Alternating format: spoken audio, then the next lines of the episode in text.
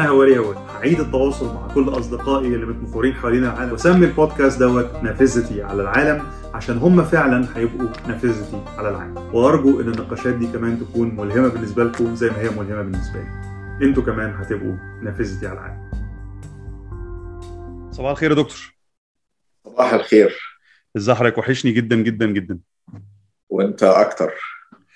آه النهارده دي حلقة نقاشية جديدة من نافذتي على العالم مع دكتور عماد أبو غازي. آه دكتور عماد آه، يعني بعيدا عن هو آه وزير الثقافة الأسبق وأستاذ آه المتفرغ للوثائق في جامعة القاهرة. هو أنا بعتبره من أقرب الناس الي وبعتبره من أساتذتي ال- ال- القليلين اللي أنا يعني بمشي وراهم وأنا مغمض. آه، الحقيقة. أنا أنا فخور جدا إن حضرتك بتتكلم معايا النهارده وإن إحنا ان إن الكونتكست بتاع ال- البودكاست ده أتاح لي إن إحنا نعمل نقاش صباحي زي النهارده كده يا دكتور. أنا الأسعد وسعيد إن أنت تعتبرني أستاذك. أنت صديق بعتز بيه جدا بس ما تمشيش ورايا وأنت مغمض ابدا. الحقيقة يا دكتور يعني آه، أنا يمكن ما صادفنيش إن أنا أقول لحضرتك آه، الموضوع ده قبل كده بس أنا أنا بصورة شخصية شايف إن أنا كنت محظوظ جدا إن ال context أو ال- المناخ اللي أنا اتعرفت فيه على حضرتك آه، اتعرفت عليه آه، اتعرفت على حضرتك وأنا مش مدرك ل آه، يعني ال background بتاعت حضرتك بصورة كاملة ومش مدرك لتأثير حضرتك في الحياة الثقافية. آه، بصورة خاصة.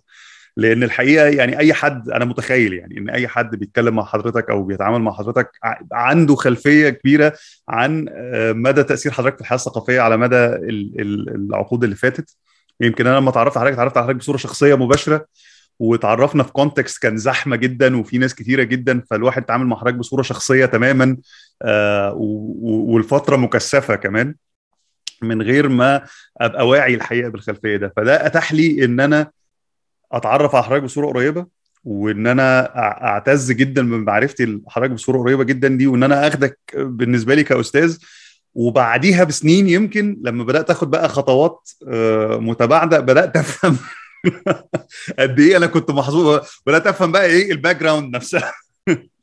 فيمكن ده أتاح لي إن أنا يعني ال ال ال إن أنا أتعرف على بصوره شخصية فده ده كان شرف كبير ليا جدا. فما أعرفش أنا أنا عمري ما حكيت لحضرتك المو... أو عبرت عن ال- الفكرة دي بس دي يمكن من أكتر الحاجات اللي أنا معتز بيها. إن أنا اتعرفت على حضرتك بصورة شخصية في الأول وإن أنا يعني ات- اتخذت حضرتك كأستاذ ليا من قبل حتى ما أبقى مدرك. آه، يعني أنا سعيد جدا إن إحنا تعرفنا وسع- وسعيد بالظرف اللي تعرفنا فيه رغم كل مشاكله وصعوباته. بس آه، بلاش حضرتك بقى لحسن هتاخد مساحة الحلقة كلها خليها انت على طول حضرتك يعني. أعتقد إن وبعدين ما مش يعني مؤثر للدرجة دي ولا حاجة أنا راجل غلبان على قد حالي. يعني زي ما كده بيقولوا يعني أنا واحد من غمار الموالي. ما هو يمكن هو ده التواضع يا فندم اللي بيخلي حضرتك فعلا يعني آه، صاحب ال- ال- التأثير الكبير اللي أنا شايفه دايما ده. طيب خلينا ندخل على طول في موضوع الدسكشن بتاع النهارده. ال- النهارده أنا ما يعني أنا طلبت من دكتور عماد إن إحنا نتناقش كذا مرة وإن أنا أستغل فرصة البودكاست دي إن إحنا هنتكلم كذا مرة بس قلت نبدأ المرة ال- الأولانية آه، بظرف ممسوك وحاجة ممسوكة آه، وهو آه، كتاب آه، دكتور آه، عماد عن مذكرات النفي لمصطفى النحاس اللي كانت صدرت بمناسبة آه، الذكرى المئوية لثورة 1919 آه، دكتور عماد لو حضرتك تكلمنا في الأول عن ظروف ال- ال- الكتاب وعن فكرة الكتاب أصلا ظهرت إزاي و- والتصدي ل- ل- للفكرة دي أو يعني التصدي لمذكرات النحاس كان إيه الظروف اللي حواليه؟ آه، اولا آه، يعني أنا سعيد باختيار الكتاب ده إن إحنا نتكلم فيه لأن ده عمل أنا بعتز بيه جدا. آه، دايما كان عندي إحساس ان مصطفى النحاس شخصية ظلمت كثيرا في تاريخنا. وان ما أخدش ما يستحقه من اهتمام. وكان دايما عندي إحساس إن أنا لازم أقدم حاجة مصطفى النحاس بالفعل. وكان في من سنوات كده مشروع إن أنا أعمل كتاب عنه آه، لكن ما حصلش ده للأسف. كتبت عنه مقالات أحيانا في الصحافة لما كنت بكتب لكن ما ما عملتش عمل مهم جدير بحد زي مصطفى النحاس. حكاية المذكرات دي هي جات لي بالصدفة. يعني المذكرات دي كانت موجودة في بيت فؤاد باشا سراج الدين. قالت إليه بعد وفاة مصطفى النحاس وزينب الوكيل وزوج زوجة النحاس باشا. و بيتين البيتين كانوا قصاد بعض في جاردن سيتي يعني. ونقلت باعتبار إنه ما كانش في ورثة لمصطفى النحاس. وكان في تقليد كده في الوفد. دايما إن الأوراق اللي من النوع ده بتنتقل. لمن يتولى زعامة الوفد وحتى في غياب الوفد كان رمزيا فؤاد سراج الدين بيعتبر هو الزعيم حتى قبل إعادة تأسيس الوفد الجديد. وده اللي حصل مع مذكرات سعد زغلول يعني مذكرات سعد زغلول فضلت لسنين في حيازة مصطفى النحاس وبعدين نقلها لأقارب سعد آل بركات يعني اللي هم كانوا برضو من قيادات الوفد. المذكرات فضلت في بيت فؤاد سراج الدين لم تنشر ولم يشر إليها اطلاقا إنها موجودة لما بعد وفاته بعد بيع البيت أثناء إخلاء البيت ابن شقيقته القطب الوفدي والنائب البرلماني أستاذ فؤاد بدراوي اكتشف هذه الكراسات فكان بيسأل أحد برضه الرموز الوفديه المهمة الصديق العزيز منير فخري عبد النور أعمل فيها إيه؟ فهو قال له وديها لعماد عماد محب للنحاس ومتخصص في التاريخ والوثائق فهو ممكن يحققها وينشرها وبالفعل اتصل بيا الأستاذ فؤاد بدراوي ويعني كان في معرفة سابقة بيه. فاتصل بيا وقال لي في كذا يعني إن أنا عندي مذكرات مصطفى النحاس و بخط إيده وإن منير قال لي أديها لك. وجالي فعلا في البيت وجاب لي ظرف صور فيه الثلاث كراسات اللي لقاهم في بيت فؤاد سراج الدين. وقال لي حكى لي إن هو أثناء إخلاء البيت لقى ظرف فيه ثلاث كراسات ولما بص فيهم اكتشف إن هي مذكرات كتبها مصطفى النحاس. فأصبحت المذكرات في حيازتي والكلام ده كان على ما أذكر في أواخر 2014 أو بدايات 2015 وكان في خطتي إن أنا أنتهي من تحقيق الكراسات الثلاثة في أغسطس 2015 اللي كان بيوافق الذكرى الخمسين لوفاة مصطفى النحاس وإن ده تبقى يعني مناسبة لنشرهم. الحقيقة ما يعني لما بدأت أبص في المذكرات لقيت إنها محتاجة شغل كتير. اللي عملته وقتها إن أنا نشرت في جريدة الشروق خمس أيام متفرقة من المذكرات في صفحة كاملة كده عن تعريف بالمذكرات وإشارة لأن أنا بشتغل فيها واللي إزاي وصلتني. وبعدها نشرت في مجلة عالم الكتاب في وقت تولي الصديق محمد شعير رئاسة تحريرها. كان عامل باب اللي بيقدم فيه كتب في طريقها للمطبعة. فنشرت الكراسة الأولى. كنت انتهيت من تحقيق مسودة ليها. يعني ما كنتش عملت أي تعليقات علمية فيها ولا مراجعة للنص. فنشرت برضو الكراسة الأولى مع إشارة أن أنا شغال فيها. ظروف الحياة والعمل هنا الحياة ما كانتش مساعدة على الإنجاز. رغم إن نظريا كده المذكرات شكلها خدت خمس سنوات من آخر 14 لآخر 19 لكن الشغل الحقيقي عملته في الفترة اللي كنت فيها خارج مصر قدرت أنجز فيها الجزء الأساسي من هذا العمل وأكملته يعني العمل الحقيقي خد حوالي سنتين من الشغل مش الخمس سنين كلهم يعني. دول ده الشغل المجهود الحقيقي والتحقيق وضبط النص وإعادة مراجعته مرات عشان يخرج في الصورة اللي اتكتب بيها بالفعل. فدي ببساطة قصة المذكرات والسياق اللي وصلني في هذا النص اللي بعتبره نص مهم والحقيقة يعني هو إضافة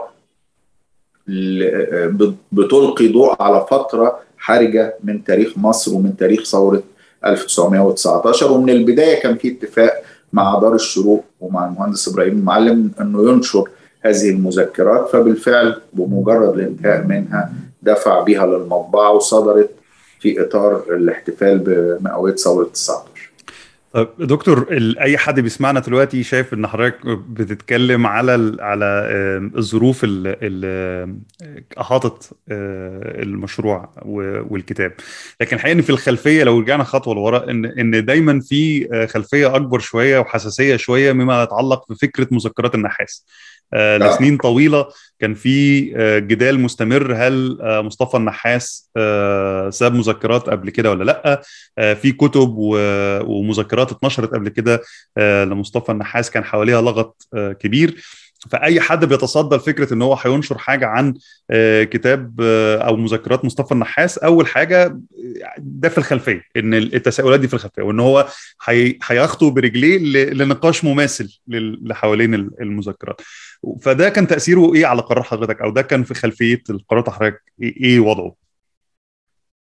بالطبع ده كان في ذهني من اللحظة الأولى اللي كلمني فيها الأستاذ فؤاد بدراوي وقال لي هجيب لك مذكرات النحاس. طب إيه علاقة ده بالمجلدين اللي نشرهم الأستاذ أحمد عز الدين من سنوات طويلة لمذكرات لمصطفى النحاس وأول حاجة أول ما فتحتهم كنت عاوز أتأكد من إن أنا قصاد نص مختلف. وبالفعل يعني من الوهلة الأولى تيقنت إن ده نص مختلف لأن النص اللي تحت إيدي العنوان مذكرات النفي بيتكلم عن فترة نفي مصطفى النحاس مع سعد زغلول ومجموعة من قيادات الوفد إلى سيشل في نهاية سنة 21 واللي استمر النفي ده لغاية صيف 1923 المذكرات اللي سبق نشرها بتغطي الفترة من 1927 إلى 1952 الفترة اللي تولى فيها مصطفى النحاس رئاسة الوفد المصري. ولو رجعنا للمذكرات اللي نشرها الأستاذ أحمد عز الدين ولمقدمة الجزء الأولاني بالتحديد هنلاقي إن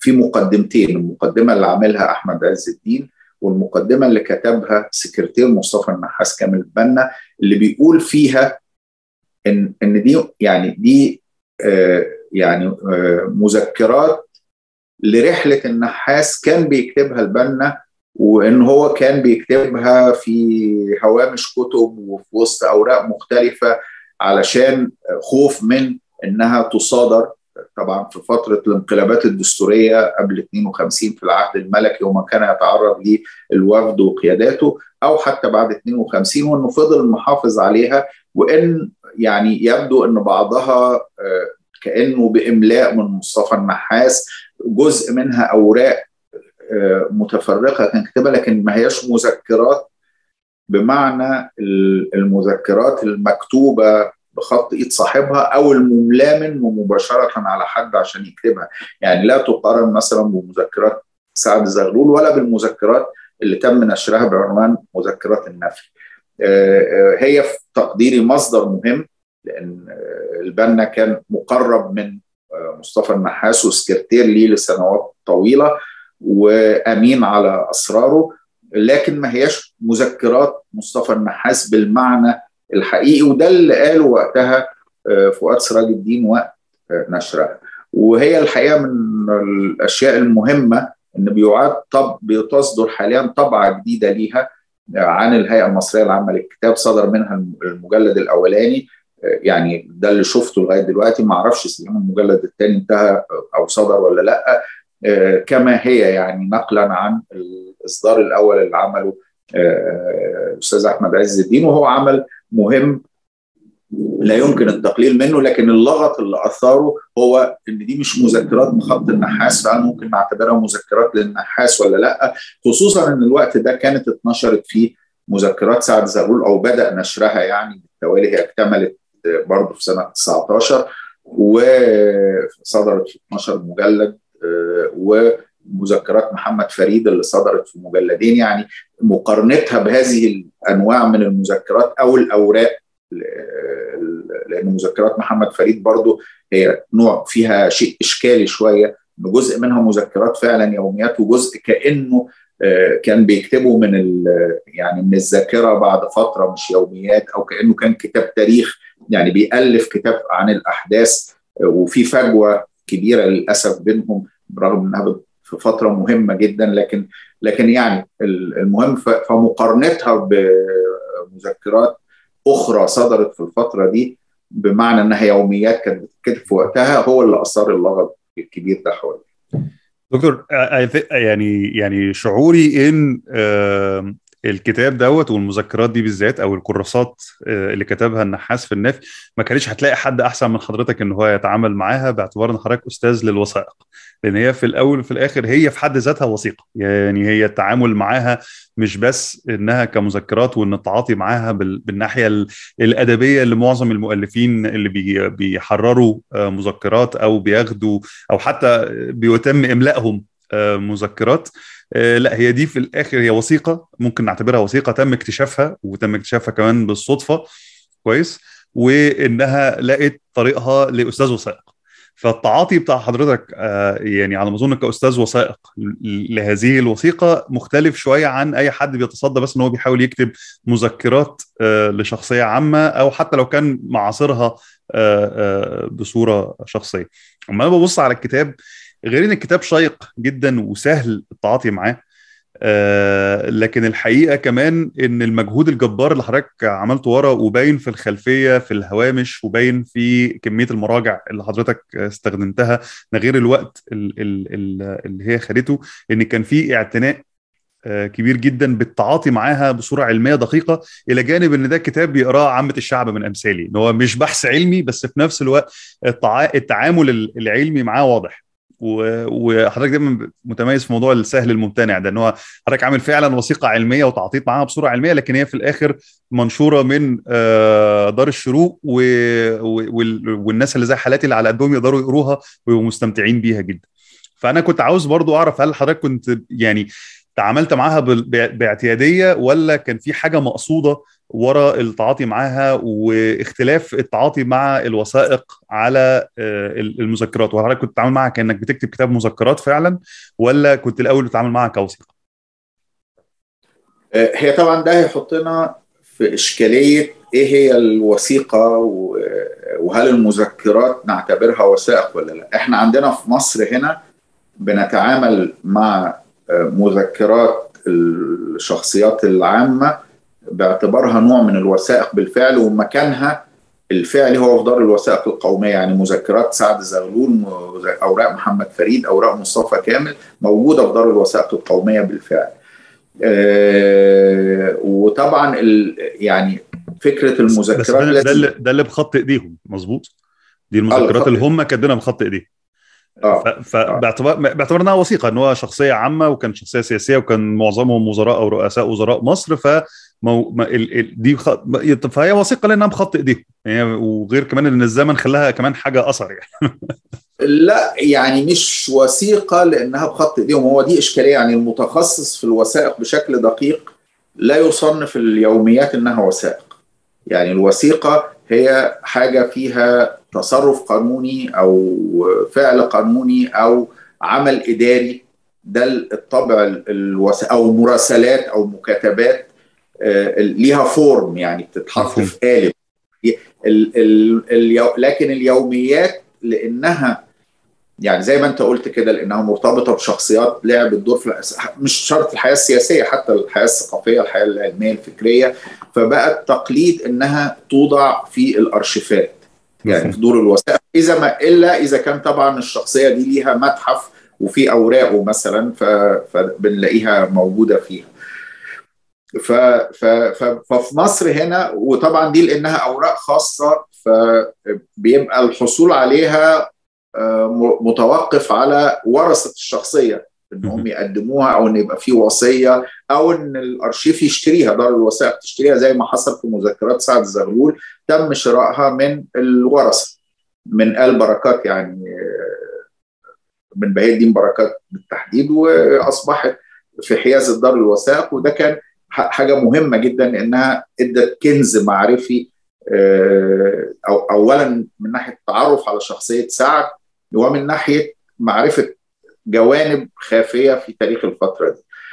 دايما لازم نميز بس بين اليوم اليوميات أو المذكرات والذكريات بما مش بس فكرة الكتابة بخط الإيد أو الإملاء لا يعني لو أنا بكتب المذكرات دي أثناء الحدث نفسه يوم بيوم أو حتى كل كام يوم بكتب فده بسميه فعلا يوميات ومذكرات ودي بتكون أكثر صدقا واحيانا ما بتكونش مكتوبة بهدف النشر.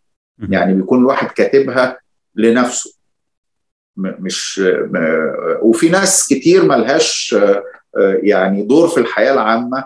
بتكتب ده بتكتب بيكتب يومياته يعني وما يحدث ليه. وفي نوع تاني إن حد بعد سنين من الأحداث يبدأ يكتب ذكرياته. وهنا ده بيكون أقل مش مش بمعنى إن بيبقى فيه كذب متعمد لا بس بفعل الذاكرة بتبقى في حاجات كتير نسيتها يعني لما أجي النهارده مجموعة عدد كبير من اللي شاركوا في تنظيم الضباط الأحرار وفي يوليو 52 كتبوا ذكرياتهم بما فيهم الرئيس محمد نجيب نفسه. سواء هو كتبها بخط إيده أو أملاها على حد وعمل له اديتنج ليها بس هي في النهاية ذكريات. يعني هو بيفتكر حاجة ممكن طبعا اللي بيكتب ذكريات ده يكون محتفظ ببعض الأوراق ببعض الملاحظات وبيعتمد عليها فده بيدي قوة أكتر ليها. لكن دايما لازم نميز بين الاثنين اليوميات هي أقرب فعلا للوثائق رغم إنها مش الشكل اللي بينطبق عليه التعريف الأكاديمي للوثيقة ده هي أقرب للوثائق. الحقيقة اللي بيتعامل مع النصوص دي مش بالضرورة يكون دارس وثائق اللي بيتعامل مع اليوميات. يعني أنا بالصدفة دارس وثائق بس أنا الأساس فيها وفي تعاملي معاها هو خلفيتي الأساسية إن أنا دارس تاريخ في الاساس يعني أنا دراستي الأساسية تاريخ وسواء في المرحلة الجامعية الأولى ثم بدأت في مرحلة الدراسات العليا بدراسة التاريخ فعلا. وبعدين انتقلت لدراسة الوثائق كدراسة عليا برضو. والظروف دفعتني إن أنا أبقى متخصص وإن أنا أبقى عضو هيئة تدريس في جامعة القاهرة في قسم الوثائق في قسم المكتبات والوثائق في شعبة الوثائق. لكن اللي ساعدني أكتر هو معرفتي بالتاريخ. أنا في تقديري إن ما ينفعش حد يتخصص في الوثائق خصوصا في مجال تحقيق ونشر الوثائق أو حتى في مجال إدارة الأرشيفات من غير ما يكون ليه خلفية في دراسة التاريخ. دراسة التاريخ وفي العالم كله على فكرة ما فيش إحنا اللي عندنا بدعة إن يبقى في حاجة اسمها ليسانس وثائق وليسانس مكتبات في العالم كله دي دراسات عليا. يعني بتبقى خدت مرحلة تأسيس في تخصص ما وبعدين تيجي تعمل دبلوم أو تعمل ماستر أو تعمل PhD في مجال الوثائق أو مجال المكتبات. يعني ال École des chartes اللي هي أهم مدرسة للوثائق في العالم في فرنسا هي مدرسة دراسات عليا أنا يمكن يا دكتور برضو لأن ال ال ال ال الناس اللي زي حالاتي برضو للأسف تعمقهم وخلفياتهم عن الوثائق في مصر أو التعاطي مع الوثائق في مصر مش عالي لكن في نفس الوقت يعني أنا كنت عاوز أعمل مقارنة ما أعرفش هي مقارنة سليمة ولا لأ. في الأربع خمس سنين اللي فاتوا مثلا وإحنا بنتابع اللي بيحصل في أمريكا والمشاكل اللي كانت ما بين دونالد ترامب والكونجرس والخلافات اللي كانت موجودة كان أحد المشاهد اللي كانت مهمة جدا كان الخلاف وإقالة مدير ال FBI في أمريكا. وإزاي إن الكونجرس وكل المحققين أو لجان التحقيق زي لجنة I think إنه كان اسمه مولر برضو. وده يعني بيفكرنا بلجنة ميلنر اللي ممكن نتطرق اليها بعدين. بس يعني إنها كان في لجنة مولر كانت بتتعامل مع الهوامش وال memos والنبذات اللي كان بيكتبها مدير ال FBI على هامش الاجتماعات كوثيقة. وكانت بيتعاملوا معاها على إنها وثيقة قانونية ودليل قانوني بيتم الاعتداد به بصورة قانونية في تحقيقاتهم على عكس إن هي مش وثيقة رسمية. يعني هم كانوا بيتعاملوا معاها بمعاملة الدليل القانوني والوثيقة القانونية مع إن هي مش في القالب الرسمي. يعني ما كانش مطلوب منه بصورة رسمية إن هو يكتب تقرير عن اجتماعه مثلا مع دونالد ترامب. دي كانت حاجات هو بيكتبها لنفسه بصورة شخصية لكن مع ذلك برضو تم التعاطي معاها على إنها وثيقة قانونية مهم إن هم ياخدوها في التحقيقات وإن ليها دلالتها حتى لو كان هو اللي بيكتبها بصورة شخصية من غير شهود مثلا على إن هو بيكتب الوثيقة دي. فما أعرفش هل هل دي مقارنة سليمة ولا لأ في في الوعي الحاضر على الاقل الحاجة الثانية برضو التعليق الثاني اللي أنا كنت عاوز أناقش حضرتك فيه حضرتك في المقدمة ثقفني نقطة. إن حضرتك كنت كاتب إن في تحليلك إن اليوميات دي تم تكليف مصطفى النحاس بصورة مباشرة إن هو يكتبها توثيقا للحظة ال ال الكبيرة دي من المجموعة الوفدية اللي بيتم نفيها. وإن إن حضرتك في تقديرك إن الكراسة الأولى والكراسة الثالثه هي الأقرب إلى وضعيتها في ذهن النحاس بإن هو هينشرها وإن الكراسة الثانية اللي هي مش اللي برضه حضرتك شايف إن في كراسة مفقودة في النص فهي يعني هي الثانية تاريخيا لكن إن هي مش رقم اثنين لما النحاس كتبها هي اللي اللي هو كان منفتح فيها شخصيا أكتر إن هو كان بيكتبها كيوميات شخصية أكتر من إن هو بيكتبها متبيضة ومنقحة بصورة كبيرة علشان ينشرها. فاللي مستوقفني هنا نقطتين، النقطة الأولانية إن إن مع إنها كتبت بهدف النشر إنها لم تنشر. وإن الوفد بصورة كبيرة جدا كان واعي لأهمية اليوميات دي ومع ذلك لم يستخدمها. ففي تقدير حضرتك ليه لم تنشر وليه كانت مفقودة الوقت ده كله مع إنها في تقديرك إنها كتبت بهدف النشر. الجزء الثاني وده يعني برضو كقصة سايد يعني إن حضرتك كاتب إن كان في حد تاني من المجموعة كل في فترة إن هو يكتب اليوميات لكن هو كتبها بصورة شخصية أكتر من إن هي صورة إنها تنشر. فبعد خلاف تم اكال المهمة للنحاس. وبعد كده في الكراسة الثانية أو بصورة كبيرة إن هو هو نفسه برضه بدأ يكتبها كيوميات شخصية. وإن هو كأن الشيء اللي هو كان على خلاف معاه هو برضه وقع فيه وهو بيكتبها. فالنقطتين دول لو حضرتك تتطرق ليهم شوية. طيب. دول ثلاث نقط. اولا تمام.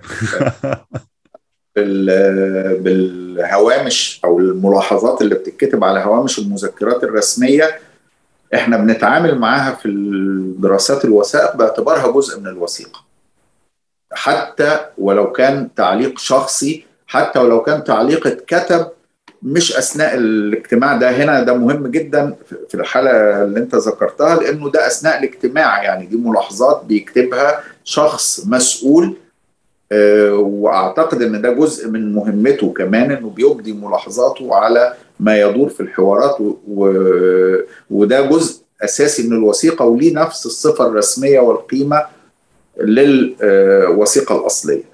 أه لو حتى لقينا ملاحظات مكتوبة بعد سنين على الوثيقة بنتعامل معاها برضو بنفس الطريقة وده موجود في كتير حتى من الوثائق القانونية وثائق التصرفات القانونية بين الأفراد حتى إن بيبقى في استكمال للوثيقة أو للتصرف بعد سنوات إن بيبقى في تأشيرات لموظفين رسميين أو لقضاء على الوثائق. فده ده جزء من الوثيقة.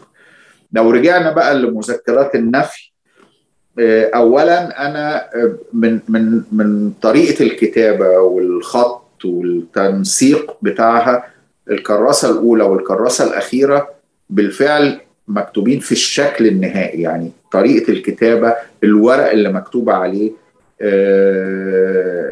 ان ما فيهاش تقريبا شطب إلا حاجات بسيطة جدا يعني حد بيكتب بهدف وضع الصيغة النهائية أو الشكل النهائي للعمل. الكراسة اللي في النص اللي هي الثانية في الترتيب ما تم اكتشافه هي شكلها واضح خالص إنها مسودة بمعنى إن كمية الشطب والتعديل والتلحيق بين السطور والإضافة في الهوامش و... ويكتب حاجة وبعدين يلغيها لأنه يحس إنها ممكن تعرض حد لخطر من الناس ال ال أهالي البلد يعني أهالي السيشل نفسهم اللي كانوا بيتعاونوا معاهم أو بيساعدوهم إنه بيكتب فيها براحته. يعني الأولى والثالثه يعني في حرص في الكتابة يعني بيكتب اللي عاوز يعني فيها قصدية في الكتابة. الكراسه الثانية هو منطلق بيكتب براحته. فما فيش حالة القصدية دي. ال ال وما أعرفش هل هو بيضها ولا لا. يعني هل ده اللي وصلنا؟ لكن في تبييض ليها في شكل نهائي ليها. ما عمري ما هعرف أجاوب على ده. لأن كمان ده اللي اتلقى ممكن تكون في حاجات فقدت في في الرحلة الطويلة دي. ممكن تكون في حاجات أصلا ما اتنقلتش من بيت مصطفى النحاس لبيت فؤاد سراج الدين. البيت أصلا رجع للمالك وبعدين اتأجر للمجلس الأعلى للشؤون الإسلامية واللي الواحد بيسمعه إن كان في حاجات متخزنة في البدروم مش بتاعتهم وبعدين اتباعت كهنة. يعني وارد جدا إن يكون في حاجات أخرى نكتشفها بعد سنوات في حتة هنا أو هنا. وجايز تكون فقدت نهائيا. فما في في بياع ربابيكيا في مكان ما ماشي بعربية فيها مذكرات جزء من مذكرات النحاس في المنفى. يعني فكرة مصرية أصيلة على فكرة. آه بس دلوقتي بياعين الربابيكيا بقوا عندهم وعي بأهمية الورق يعني وبقى في تجارة للأوراق اللي من النوع ده يعني للأسف. ده ده ده إحنا يعني دي مأساة يعني إن حاجات زي دي بتتسرب وبتضيع. يعني ده اللي قصادنا عموما اللي موجود ومتوفر حاليا. ليه ليه ما اتنشرتش؟ هم هم بيكتبوها يعني طبعا الوفد الملاحظ من المذكرات دي ومن حاجات تانية أخرى الواحد اكتشفها أثناء عمله في تحقيق المذكرات وفي مذكرات أخرى بشتغل عليها حاليا لواحد من قيادات الوفد. اللي هو راغب اسكندر المحامي اللي كان من قيادات الصف الثاني واتصعد اثناء نفي مصطفى النحاس ودي مذكرات حصلت عليها على ست كراسات منها وبرضه للأسف فيها فجوة حوالي 8 سنين في النص. والراجل هي أنا حصلت عليها من الدكتور بطرس بطرس غالي قبل وفاته والراجل جوز زوج خالد الدكتور بطرس غالي. وهو كان شخصية سياسية مهمة وكان نائب في البرلمان وكان قيادي في الوفد. والحقيقة أنا نادم دلوقتي إن أنا بدأت بمذكرات النحاس ومش بمذكرات راغب اسكندر لأن فيها حاجات بتجاوب على حاجات أنا ما عرفتش أجاوب عليها في مذكرات النحاس. ويمكن لما أكملها الواحد يفكر إنه يعيد صياغة التعليقات العلمية مش المذكرات نفسها طبعا التعليقات العلمية في مذكرات النحاس. لأنه جديدة بقى إن شاء الله يا دكتور. يعني لما تخلص الطبعة.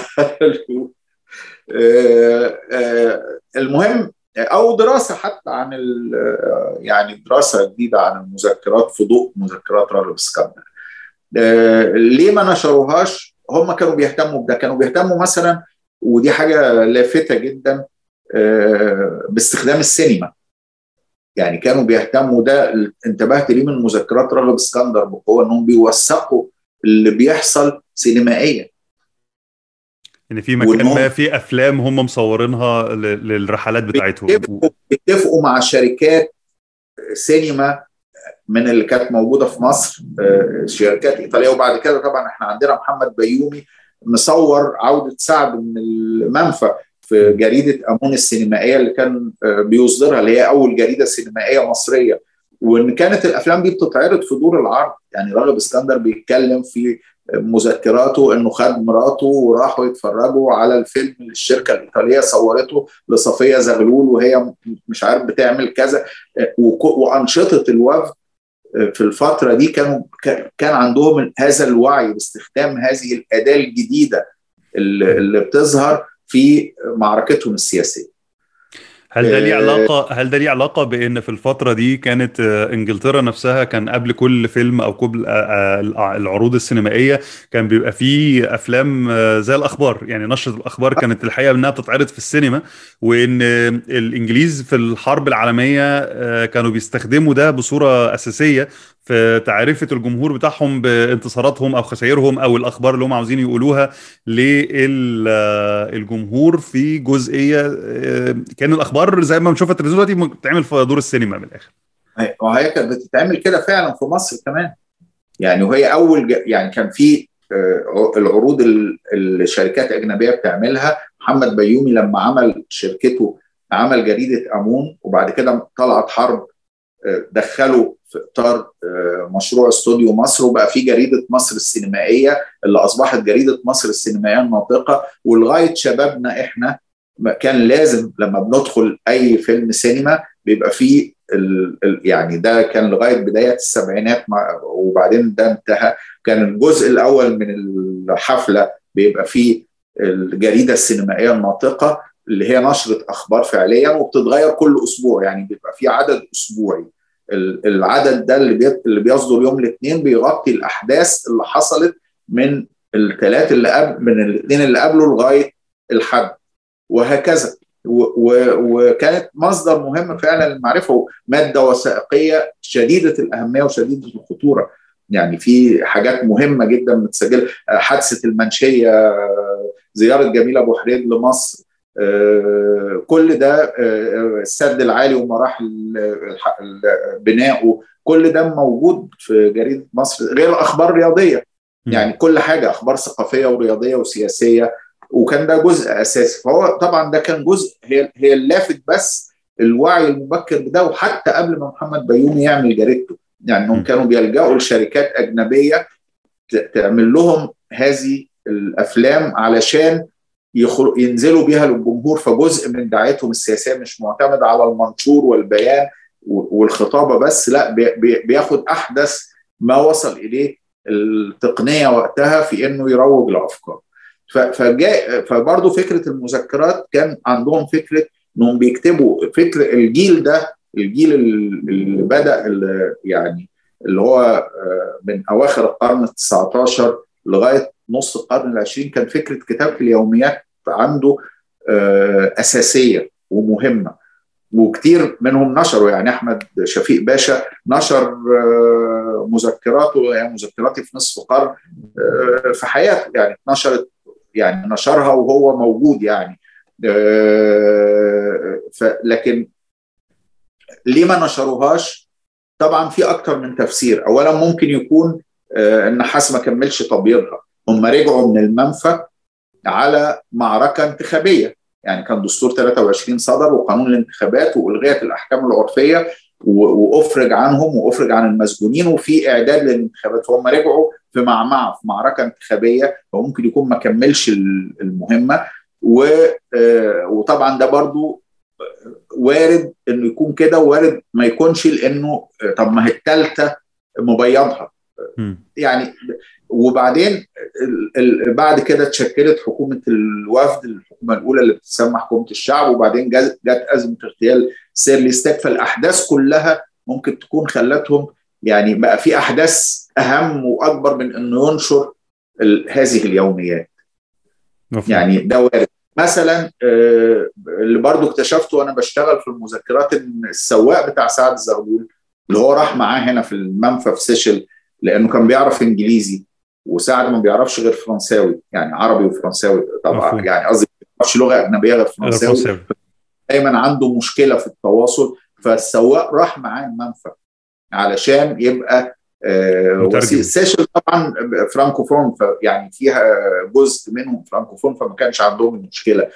وراح معاه جبل طارق كتب مذكراته ونشرها في كتاب نشرها في كتاب بعد ما رجع من المنفى. و... و...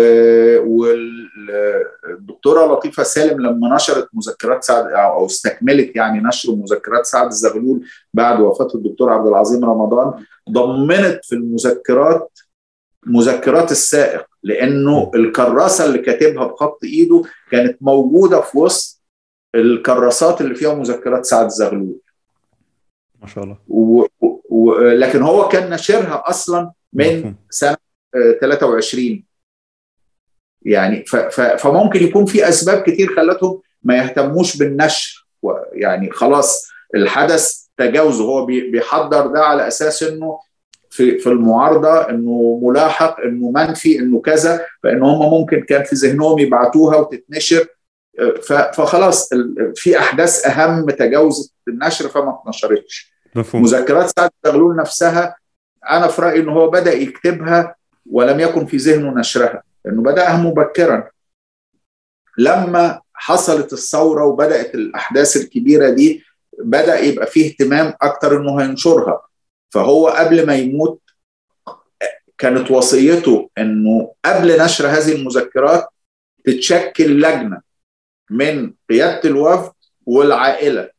يراجعوا المذك... اليوميات دي علشان لو فيها حاجة محتاجة يخفوها أو يحذفوها هتمس الوفد أو هتمس العيله طبعا هي مليانة حاجات بس بس بس هو ما حدش الحمد لله يعني ما حدش عمل ده.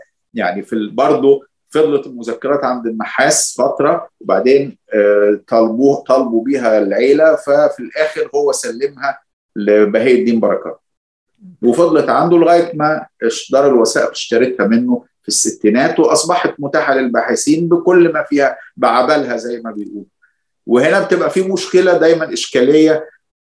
هل المز... اليوميات اللي كتبها صاحبها وهو ما يهدفش لنشرها من حق أنا لما أجي أنشرها أنشرها زي ما هي؟ لو فيها حاجات ممكن تمس أشخاص على صلة بيه ولا لأ؟ هي إشكالية. يعني ولا ده حق الناس إنها تعرف ولا بعد ما تمر مدة معينة ممكن تتنشر؟ يعني مثلا في الأرشيف الفرنسي مدة الحماية للوثائق الرسمية للدولة كانت 30 سنة الوثائق الخاصة 60 سنة. باعتبارها ممكن يبقى فيها حاجات شخصية. السؤال الثالث ليه كتب في الجزء الثاني شخصي رغم إن هو بي يعني هي كان المفروض إن اللي مكلف بالكتابة هو فتح الله بركات. باشا باعتباره أكبرهم سنا وهو قريب لسعد يعني قريبه عائليا يعني. فهو اللي كان مكلف بالكتابة. هو حصل خلافات بينهم. يعني لما بنشوف المذكرات كان في كأن في كتلتين. فتح الله بركات وعاطف بركات جانب ومصطفى النحاس ومكرم وسينود حنا جانب تاني. وسعد في النص وساعات بيشكي طبعا من من الصداع اللي بيعملوه له وخناقاتهم مع بعض وكده. فتح الله واضح إنه كان بيكتب يعني يبدو إن المذكرات وقعت في إيديهم بالصدفة فلقوا إنه بيكتب حاجات شخصية وإن دي ما يصحش تتنشر. لما ننشرها حصل الخلاف ده وتم تكليف النحاس إن هو اللي يكتب المذكرات الرسمية.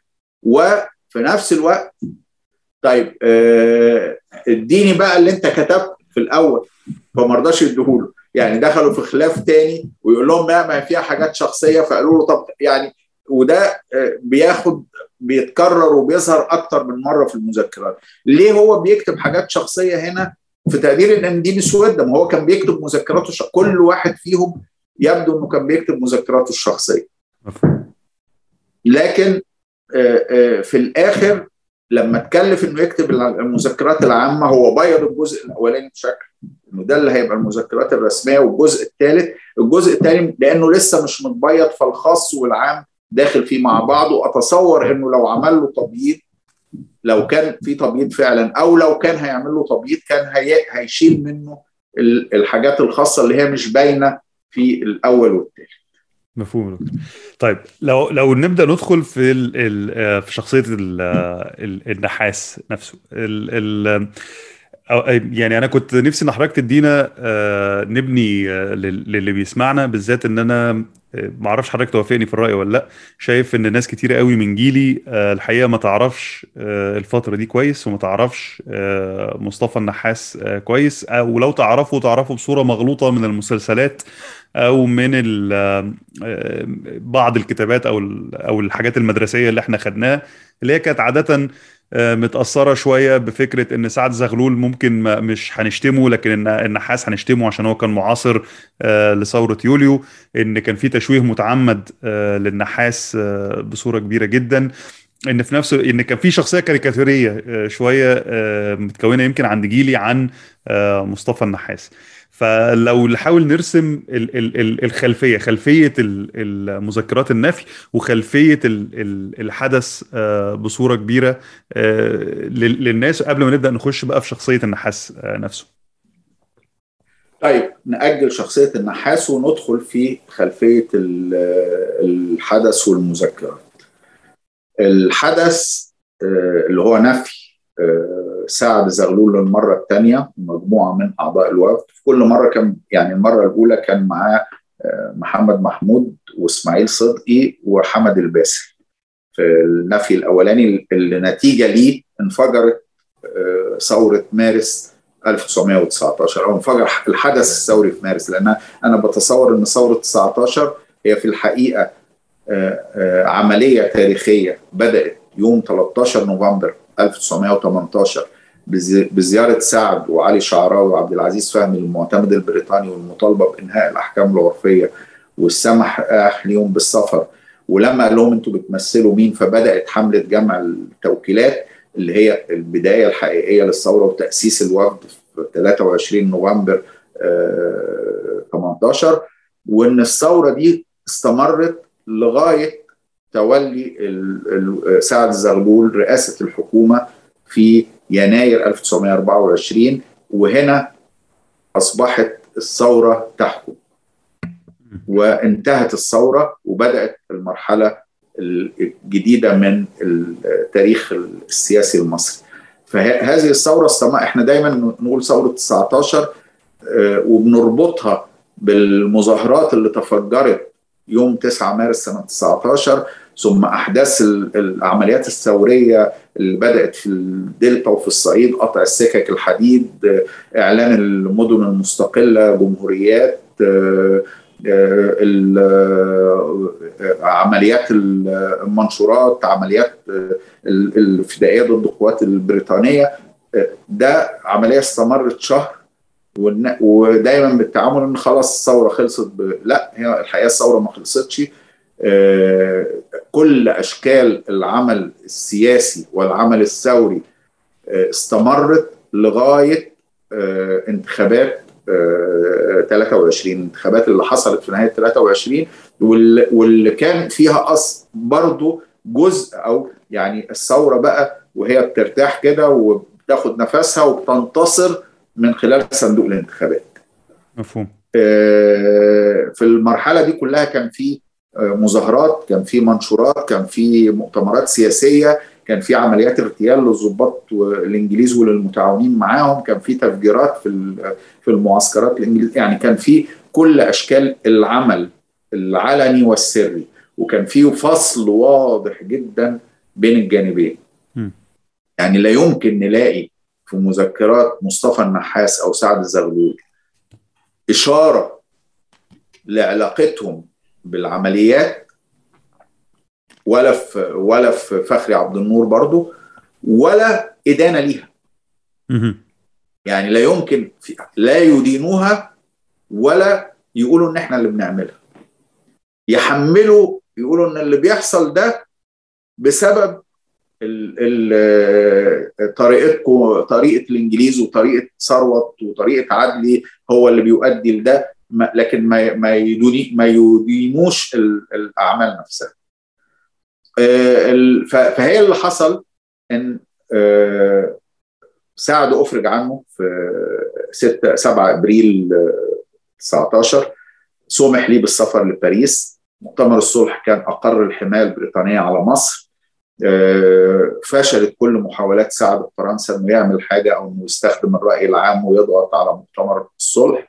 موضوع ويل الرئيس الأمريكي ويلسون طلع على ما فيش يعني موضوع حق تقرير المصير ده مش لينا إحنا لناس تانية. يعني مش مش محاولتهم حتى إنهم يعطلوا موافقة الكونجرس الأمريكي ده برضو بيبين لنا إزاي الجيل ده اشتغل سياسة إزاي. يعني إن هم يدفعوا فلوس لنواب في الكونجرس والمحامين في أمريكا علشان يعطلوا موافقة الكونجرس على اتفاقية الصلح بتاعت الحرب العالمية.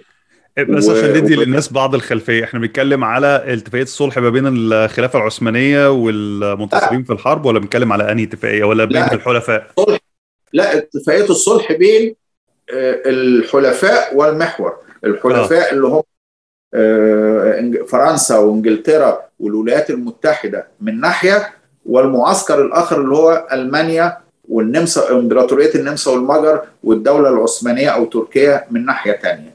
روسيا طبعا خرجت من الحرب بقيام الثورة البلشفيه فبقت يعني مش طرف في في الاتفاقية لأن هي قررت تخرج. روسيا كانت مع الحلفاء وخرجت من الحرب. واتفاقية الصلح دي اللي كانت ناتجة عن مؤتمر باريس. اللي ناتجة عن مؤتمر فرساي في باريس في فرنسا. يعني فهم كانوا فهم اتجهوا لأمريكا علشان أمريكا كطرف فيها كانت المفروض إن الكونجرس يصدق على نتيجة المفاوضات دي واتفاقية الصلح وهم حاولوا يعطلوها في أمريكا. بالظبط. هو اللي حصل إن قبل نهاية الحرب بشهور طويلة بداية سنة 17 أصدر الرئيس الأمريكي ويلسون المبادئ بتاعته اللي هي بتق... بتتضمن حق تقرير المصير لشعوب العالم. أمريكا مع الحرب العالمية الأولى بتخرج من عزلتها ومن ان هي القارتين دول هم بتوعها وملهاش دعوة باللي بيحصل في العالم لأنها تبقى طرف في الصراعات الدولية. مفهوم. وهي دخلت الحرب متأخرة. يعني ما دخلتش الحرب بداية. آه نفس الشيء اللي حصل في الحرب العالمية الثانية مظبوط. آه ف... ف... فكان المبادئ اللي أعلنها الرئيس ويلسون كانت إدت أمل ل... لكل شعوب المستعمرات دي إنها وفقا إن ده اللي هيقره مؤتمر الصلح آه وحتى مثلا محمد فريد بعت رسائل للرئيس ويلسون آه يعني يطلب فيه إنه هذه المبادئ تطبق على مصر. يعني كان ده آه محاولة من كل القيادات الحركة الوطنية سواء الحزب الوطني ممثل في محمد فريد أو الحركة الوطنية الجديدة اللي بيقودها الوفد المصري إنهم يوصلوا لده من خلال الضغط الأمريكي على إنجلترا وفرنسا اللي هم الدولتين الاستعماريتين الكبار المنتصرين في الحرب. في نفس الوقت لما مشي المؤتمر اتخذ بالشكل ده ويلسون وافق على هذه القرارات فالمفروض الكونجرس هيصادق عليها فهم كانوا بيحاولوا يعطلوا مصادقه الكونجرس عليها. وده كان أهميته إيه؟ ده كان أهميته إن إن الولايات المتحدة طرف مهم في هذا التحالف الدولي فإن هو بيحاول ياخد مساندة أحد الأطراف الدولية الكبيرة في قضية استقلال مصر. ودفعوا مبلغ كبير والراجل ما يعني مات وزوجته رفعت قضية طلبت سعد الزغلول ومحمد محمود باشا بإنهم يدفعوا مبلغ ودخلوا في قضايا طويلة قضايا في المحاكم المصرية يعني وفي الآخر اتحكم ليه بم... لأنه كانوا بيدوا له مرتب شهري مقابل إنه يعمل المهمة دي ووعد بمبلغ كبير لو نجح فيه وخدت جزء من المبلغ فعلا يعني وكانت قضية مهمة ويمكن كتاب الدكتور ابو الغار اللي عمله برضه في مئويه ثورة 19 عن ويلسون جاي يعني عامل يعني تفاصيل لهذه القضية بشكل واضح جدا. المهم نرجع تاني للي حصل. سعد في الوقت ده كانت جت لجنة ميلنر اللي هو وزير المستعمرات البريطاني لمصر. علشان يعني إن إحنا طب أنتوا الثورة هي المظاهرات هادت بس الأمور لسه مضطربة فإحنا جايين نشوف أنتوا عاوزين إيه. فكان القرار واضح كده إن ما حدش هيتفاوض مع اللجنة إلا من خلال الوفد اللي هو بيمثل الأمة هو وكيل, وكيل, وكيل الأمة في التفاوض. ف ومن هنا بدأت مقاطعة اللجنة وبقى في مثل كده مشهور في مصر يعني في جيل بقى جدتي وجيل أهل أبويا مثلا إن لما حد يتخانق مع حد يقول له هقطعك مقاطعه لجنة ميلنر. يعني يعني هم نزلوا مصر ومحدش اتكلم معاهم لو أنا فاكر مظبوط إن هو محدش اتكلم معاهم خالص. بس بس في الآخر سعد زغلول اتكلم مع ميلنر ولا اتكلم مع كرزون لما راح لندن؟ يعني مع مع مع ميلنر أساسا هو ميلنر اللي دعاه لما حس إن الوفد هو المفتاح الوحيد لحل الأزمة. فدعاه من فرنسا فراح له في إنجلترا وبدأت المفاوضات مع ميلنر وامتدت مع الحكومة البريطانية كلها ووصلت لطريق مسدود. وهنا طبعا في حديث مهم عمله مع الشاب وقتها يعني اللي ترجم كتاب روزشتاين مصر قبل الاحتلال البريطاني وبعده ترجم مرة ثانية بعنوان نهب مصر. فهو عمل حديث مع سعد ونشره كملحق للكتاب والكتاب اتنشر في حياة سعد. وبنشوف فيه الولد الشاب يعني ده إزاي هو هو أقرب لتيار الحزب الوطني حدته في المناقشة مع سعد وهدوء سعد في الرد عليه ويوافقوا على الانتقادات اللي بيوجهها. بس بيقول له والله أنا ما كنتش أقدر إن, يعني في جزء من قيادة الوفد في مصر عاوزه إن إحنا ندخل في ده. لكن لما نشوف نكمل ده بالمفاوضات بالمراسلات السرية بين سعد وعبد الرحمن فهمي نشوف حاجة تانية لا لو تطرقنا دكتور لسعد زغلول ف... ف... للحظة هل سعد آه. زغلول كان آه هنا هو زعيم ما حدش يقدر يناقش زعامته وإنه قدر يوحد ال- الناس حواليه سياسيين و و و و وشعب وإن حتى أعدائه كانوا معترفين إن هو زعيم الأمة مهما حاولوا إن هم يعني يخفوا ده. بس هل هو كان بارع في كسياسي؟ وده ما بنشوفوش كتير في مصر. آه، في إدارة التوازنات ولا في صناعة التوازنات ال- ال- الداخلية عنده في حزب الوفد أو في الحركة الوطنية. يعني دايما بنشوف في أخذ وعطاء إن في جزء من الوفد عاوز يتكلم مع لجنة ميلنر وجزء تاني راديكالي آه، ضد إن هو التعاطي وإن وإن آه، سعد على إن الناس كلها معتبره إن هو قائد ثوري وإن هو ممكن يكون أقرب إلى الراديكالية لكنه كان دايما قادر إن هو يستخدم آه، التوازنات دي بصورة أو بأخرى وإنه لما كان في مقعد المعارضة آه، كان بصورة غير مباشرة بي بيساعد أعدائه اللي هم موجودين في الحكومة ساعتها بصناعة توازنات مماثلة إن هو بيضغط عليهم وهو فاهم إن في أخذ وعطاء. يعني إن هو ما كانش بيضغط عمياني بس أو إن هو آه، ضغط شرس وخلاص أو ده فهمي.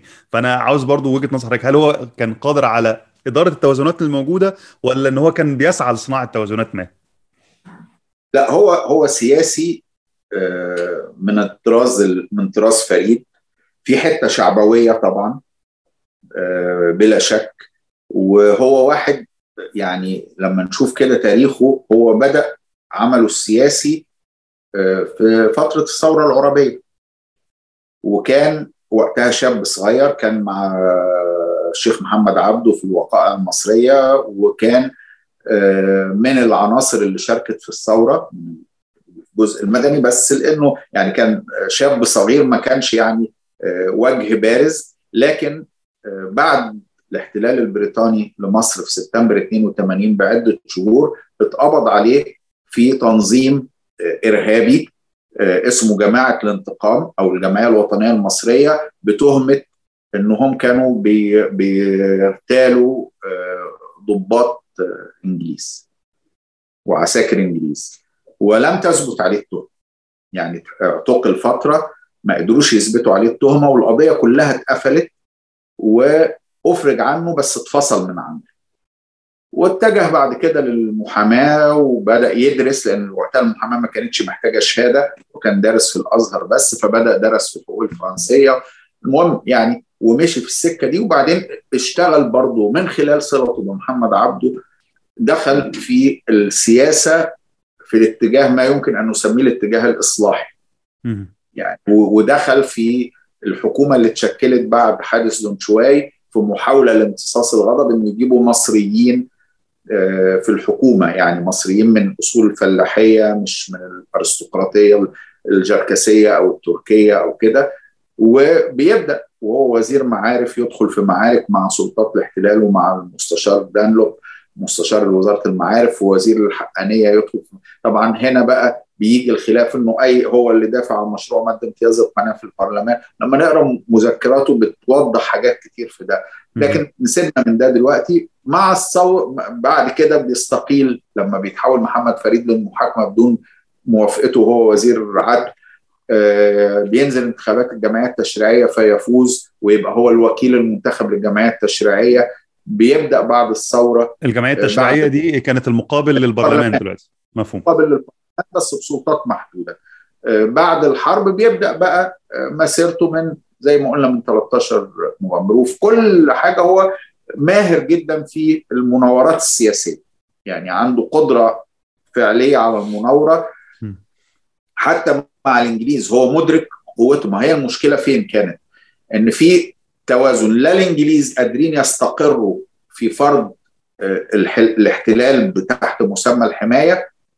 مش قادرين لأن في حراك ثوري ولا الحراك الثوري من القوة بانه يطرد الإنجليز. يعني وهو لعب بهذا التوازن ووصل في مفاوضاته. يعني في كتاب سعد يفاوض الاستعمار اللي كتبه المستشار طارق البشري من سنوات طويلة. في بيلقي ضوء على قدرته على المفاوضة وإن هو كان واصل لاتفاقيات بتحجم الوجود البريطاني في معسكرات محددة وبيخرج خالص من اللي هو اللي حصل في اتفاقية 36 في معاهدة 36 واللي بشكل يعني بس بصورة أفضل بكتير في معاهدة الجلاء في 54 فهو كان بيوصل لده لكن بتيجي الأمور تقف في حتت. كان في إشكاليتين أساسيتين في المفاوضات قناة السويس والسودان. آه. يعني فصل السودان عن مصر ووجود عسكري بريطاني في منطقة قناة السويس. المهم نرجع للأزمة جت منين؟ هو آه لما فشلت مفاوضاته في إنجلترا كان وقت في الوقت ده عدلي يكن في بدايات سنة 21 هو رئيس الحكومة طلبوا استدعاه إنه يرجع لمصر وعدلي كان من الناس الداعمين للثورة في بدايتها. يعني كان وزير كان هو ورشدي باشا رئيس مجلس النظار أو رئيس مجلس الوزراء. كانوا الاثنين الداعمين لثورة 19 أو للمراحل السابقة. واستقالة رشدي كانت أحد الأسباب اللي أدت لنفي سعد في الأول مره الأولى وتفجير الثورة. فعدلي دعاه للعودة لمصر وكان في الوقت ده في دعوة موجهة من كيرزون لعدلي للذهاب لإنجلترا للتفاوض حوالين استقلال مصر. فسعد وضع شروط محددة للمشاركة في هذا الوفد. إنهاء الأحكام العرفية يعني مجموعة حاجات كده الشرط وإن يبقى أغلبية الوفد اللي رايح يتفاوض من أعضاء الوفد المصري مش من الحكومة لكن الشرط اللي وقف عقبة في الاتفاق بينه وبين عدلي إن هو اشترط إن هو يبقى رئيس الوفد المفاوض مش عدلي يكن طبعا بروتوكول بروتوكول طبعا وعدلي كرئيس وزراء طب أنا جاي أعمل إيه طيب؟ بالظبط فهنا بدأ الصدام عدلي صمم وهنا أغلبية الوفد الوفد في الفترة دي ما كانش حزب بالمعنى التقليدي للأحزاب. يعني هو في حاجة اسمها الوفد المصري اللي هو مكون من عدد من الأشخاص اللي وقعوا على إعلان الوفد واللي فيه على برنامج الوفد أو قانون الوفد زي ما بيسموه واللي فيه نص بيقول ان لهم أن يضيفوا إليهم من يشاء من الأعضاء. وفي حاجة اسمها لجان الوفد اللي منتشرة في كل حتة اللي هي كانت بتجمع التوكيلات. واللي هي بتدعو أو بتعمل دعاية لأفكار الوفد وسياسته وفي التنظيم السري اللي بيقوده عبد الرحمن فهمي واللي بيقوم بالعمليات العنيفة أو أحيانا كمان بطباعة المنشورات لما بيبقى في تضييق ومش قادرين يطبعوا منشور مفهوم.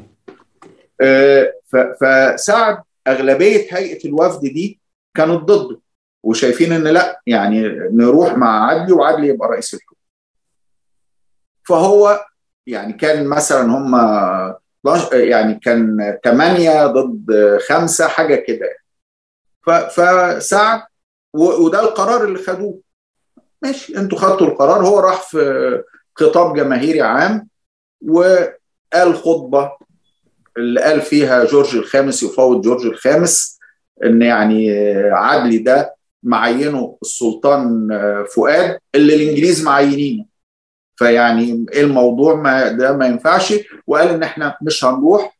فانسحب النص أكتر من نص أعضاء الوفد من الوفد وبعتوا رسالة دعم لعدلي وقالوا إن إحنا مش موافقين على اللي بيعمله سعد ببساطة شديدة سعد رفضهم أعلن انهم مش موجودين في هيئة الوفد ودخل ناس صعد ناس دايما كان في غير الهيئة بقى في في في, في هم حاطين إن في الصف الثاني والصف الثالث والصف الرابع بحيث إن لما الصف الأول يعتقل أو ينفى أو غيره يتصعد الصف الثاني الثاني يجرى له حاجة يتصعد الصف الثالث وهكذا. فشكل وفد في طبعا مجموعة من الموجودين اللي كانوا مناصرين ليه ومؤيدين ليه وضم ليهم ناس ثانية بقى في هيئة وفد وصمم على هذه المعركة. مفهوم. عد عدلي راح. السلطان فؤاد طلع قرار بتشكيل الوفد برئاسة عدلي يكن وسافر يتفاوض. بدأ سعد اولا بعت مكرم عبيد لأن هو بيعرف إنجليزي يعني هو اللي كانوا بيعرفوا إنجليزي من النخبة دي كانوا قلائل. كان منهم مثلا محمد باشا محمود وكان منهم مكرم عبيد. وده كان نوع من أنواع المقاومة يا دكتور أنا فاكر مظبوط إن النخبة الإدارية في مصر آه. كانت بتقاوم الإنجليز بأنها تتعلم وتشتغل فرنساوي ما بتتعلمش إنجليزي. بالظبط. ده جزء ده طبعا ده جزء من شكل من أشكال المقاومة لكن كمان جذوره بترجع لقبل كده إن البعثات الأولى اللي بعتها محمد علي أغلبها راح فرنسا. فالنخبة اللي راجعة دي هي نخبة فرانكوفونية مش أنجلوفونية. وفضل ده حتى قبل قبل قبل الاحتلال لما تخلينا عن اللغة التركية ودخلنا لغة أجنبية في مكاتباتنا الرسمية كانت اللغة الفرنسية مش اللغة الإنجليزية. لما لغاية التسعينات يعني أنا حضرت ده في أول باسبورات كنت بطلعها كان الباسبور عربي وفرنساوي مش عربي مظبوط مظبوط. اللي حصل بعد كده إنه بعت مكرم علشان يعمل دعاية في إنجلترا في الأوساط السياسية ضد أي اتفاق يتم ما فيهوش استقلال كامل لمصر. وفي نفس الوقت دعا بعثة من حزب العمال البريطاني المعارض من نواب حزب العمال لزيارة مصر للاطلاع على الأوضاع فيها. فبقى بيعمل مشكلة وابتدى يبقى في حركة في الشارع في مصر ضد اللي بيحصل في المفاوضات لأن كيرزون قدم مشروع أقل من المشروع اللي كان مقدمه ميلنر. يعني كان في تراجع حتى عن اللي سعد وصله مع ميلنر. يعني أنا فاهمه ان ميلنر كان مشروعه أقل من التوصيات اللي, اللي الإدارة الإنجليزية في مصر كانت بتوصي بيها. يعني الإدارة الإنجليزية في مصر يمكن كان عندها مرونة أكتر للتنازلات. ميلنر حط حاجات أقل منها كيرزون شالها كلها. آه كيرزون حط مشروع احتلال صريح كده. ما فيهوش تمثيل خارجي لمصر يعني وزارة الخارجية ما ترجعش يعني فالأمور وصلت لأن عدلي في النهاية عدلي ما هوش خاين. يعني عدلي رجل وطني يعني معتدل مش راديكالي زي سعد. بيحاول يوصل لطريقة تانية للتفاوض. يعني سعد خد طريق يعني طبيعي إن يبقى في حد آه. بيملى الفراغ الآخر أو أو الطيار الآخر يعني. بالظبط لكن اتحط قصاد موقف إنه ما يقدرش يقبل بده. فانسحب من المفاوضات ورجع مصر وقدم استقالته للملك وفي نفس الوقت انجلترا بعتت ما يشبه كده الانذار بالمشروع اللي هي عاملاه فالموضوع دخل في حالة من التأزم. وهنا عدلي لما استقال الملك كلف عبد الخالق ثروت برئاسة الحكومة وبدأت انجلترا توجه انذارات لسعد والعدد من قادة الوفد إنهم يمتنعوا عن ممارسة العمل السياسي ويتركوا القاهرة ويروحوا يقعدوا في بلادهم. يعني كل واحد يروح يقعد في القرية بتاعته أو في بلده ولا يتحدث في السياسة. طيب دكتور علشان نحاول نبدأ ندخل شوية على على مصطفى النحاس. في النقطة دي أنا أنا شايف إن حضرتك في في في جزء برضه في الكتاب حضرتك كنت بتشير إلى إن وهم أو مذكرات النحاس إن هم كانوا عندهم تفرقة كبيرة ما بين اللي معاهم توكيلات من الشعب واللي معاهمش توكيلات من الشعب اللي هو برضه أصابهم النفي إن في ردودهم الرسمية تبقى عاملة إزاي وإن إن الرد الرسمي للي معاه توكيل غير الرد الرسمي للي منفي برضه أو برضه ممنوع من العمل السياسي للي معهوش توكيل وإن ده كان على ما أظن برضه بي ليه علاقة بموقف سعد زغلول من الناس اللي وافقت على التفاوض وانسحبت من الوفد هو أو هو رفضهم من الهيئة العليا إن إن الكتلة الأساسية اللي كان عندها نوع أنواع السيطرة والحزم في الأمور كانت اللي معاهم توكيلات رسمية. مصطفى النحاس كان من الناس اللي معاهم توكيلات. لا ما هو التوكيل مش يعني هو التوكيل كان صيغته إن إحنا وكلنا الوفد المصري. تمام. والوفد من حقه إنه يضم ليه. فأي حد بيدخل الوفد بيبقى موكل بالمعنى ده يعني. طب التفرقة دي كانت إيه؟ يعني النحاس لا هم هو رد سعد بصيغة وهم كلهم ردوا بصيغ ثانية آه وفي منهم في اثنين آه قبلوا. واحد راح يعني كان في الزيتون كان وقتها بقى القبة والزيتون والأحياء دي تعتبر بره القاهرة. آه كان في حتة وسافر إلى حلوان. أنا أنا وقفت عند حتة وقرر انه يسافر حلوان دي. أنا بالنسبة لي هايل. بس أنا عاصرت إن المعادي كانت قارة مفقودة والتاكسيات بترفض إنها تروحها. فمتخيل إن هو في الوقت ده كان السفر إلى حلوان. يعني أيوه. فهي ف... فاللي حصل هو بس الصيغ يعني إن سعد باعتباره هو الممثل الرسمي رئيس الوفد والباقيين بيردوا بصيغ مختلفة بس متقاربة. خلاصتها مش هنبطل سياسة. مفهوم. طيب لو نبدأ نرسم شخصية مصطفى النحاس أنا آسف حضرتك عاوز تكمل. نرسمها. المز... السبب بقى في الموضوع ان لما رفضوا تم القبض عليهم وترحيلهم ونفيهم فمن هنا بدأت فكره كتابة المذكره لو جينا شخصيه آه النفي الثاني السيشن. آه لو جينا لشخصية مصطفى النحاس مصطفى النحاس تكوينه الأساسي كان أقرب للحزب الوطني. حزب حزب مصطفى كامل يعني. كان من يعني اللي تقدر تسميهم كده جمهور الحزب الوطني أو المتعاطفين معاه أو القريبين منه. و هل هو كان عضو في الحزب الوطني؟ ولا لأن أنا لقيت إن المصطلح اللي بيتم استخدامه إن هو كان من تيار الحزب الوطني لكن ما كانش فيه تصريح صريح إن هو عضو في الحزب الوطني. بالظبط كان من تيار الحزب الوطني. ولما سعد جه يشكل الوفد هو باعتباره مش حزب باعتباره وفد فعشان يعمل يحاول يعني يجمع وخصوصا كان الأمير عمر توسن بيحاول يشكل وفد تاني وكان الأقرب لعمر توسن هم مجموعة الحزب الوطني اللي موجودين في مصر خصوصا اللي كان ليهم ميول عثمانية شوية. فريد لما سافر بره تخلى تماما عن الميول العثمانية وتغير موقفه. يعني هو بدأ يتغير موقفه حتى من قبل النفي لما بدأ يتصل بحركة السلام العالمي وبالامميه الاشتراكية وكده مواقف ابتدت تتغير. فهو اختار مجموعة من العناصر سواء أعضاء الحزب الوطني أو القريبين منه أو تيار الحزب الوطني يضمهم للوفد عشان يبقى في التنويعه المختلفة وإنه يجيب حمد الباسط كممثل للقبائل العربية في الفيوم ان يجيب مصر مصريين مسيحيين عشان يبقوا في تشكيلة الوفد يعني عمل هذه الخلطة فدخل مصطفى النحاس في هذه من المرحلة الأولى لتأسيس الوفد وبسرعة أصبح يعني هو طبعا بالنسبة لسعد كان شاب من يعني يعتبر أو من جيل الوسط يعني مش مش صغير قوي الفرق بينهم كان حوالي 20 سنة لو أنا فاكر مظبوط الفرق عمره بينهم كان 20 سنة وإن بداية آه. انضمام مصطفى النحاس للوفد كان وهو 39 سنة أو حاجة زي كده.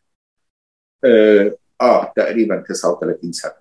وإن هو لما تم نفيه في في المذكرات اللي إحنا كان عنده مثلا حوالي 41 أو 42 سنة حاجة زي كده آه. آه هو كان مواليد مش مش, مش مشكلة يعني آه. مش بس هو يعني آه. في الفترة العمرية دي آه. ف... فاحنا بنتكلم إن إن سعد زغلول كان 60 أو حاجة و60 سنة في فترة النفي دي مع إن طبعا إن هو بيتم التعامل إن هو كان عجوز عن كده بكتير كمان. يمكن يمكن آه. هو شكله شكله. يعني سعد مات حاجة و60 يعني ما مفهوم. ما كانش كبير قوي يعني. بس مصطفى النحاس قبل ما يبقى عضو في الوفد وإحنا بنوصفه على إنه هو بس ما كانش جزء من التيار الحزب الوطني وبس هو كان قاضي. في طنطا هو من الغرب أو من الاثنين من الغربية لو أنا فاهم مظبوط إن سعد زغلول و... أو في مكان يسمى ساعتها محافظة الغربية. بالظبط. آه يعني حصل التقسيمات بقى بعد كده حتت راحت في محافظات ثانية لكن آه النحاس كان قاضي وده يمكن أحد الأسباب إنه ما كانش عضو في الحزب بمعنى إنه يعني كقاضي ما بيبقاش ليه نشاط حزبي يعني. عشان كده بيتقال تيار الحزب الوطني مش عضوية الحزب الوطني. يعني دي حاجة ما أظنش إن أي حد من جيلي اللي بيتفرج على شخصية مصطفى النحاس في المسلسلات وده آخره يعني أو حتى سطرين في كتاب التاريخ واعي إن مصطفى النحاس قبل ما يبقى سياسي في حزب الوفد إن هو كان قاضي وإن هو كان قاضي في محافظات مختلفة وإن هو غير إن هو شخصية شعبوية أو أو أو يعني جذوره الريفية واضحة لكن في في الأساس هو الراجل كانوا على منصة القضاء.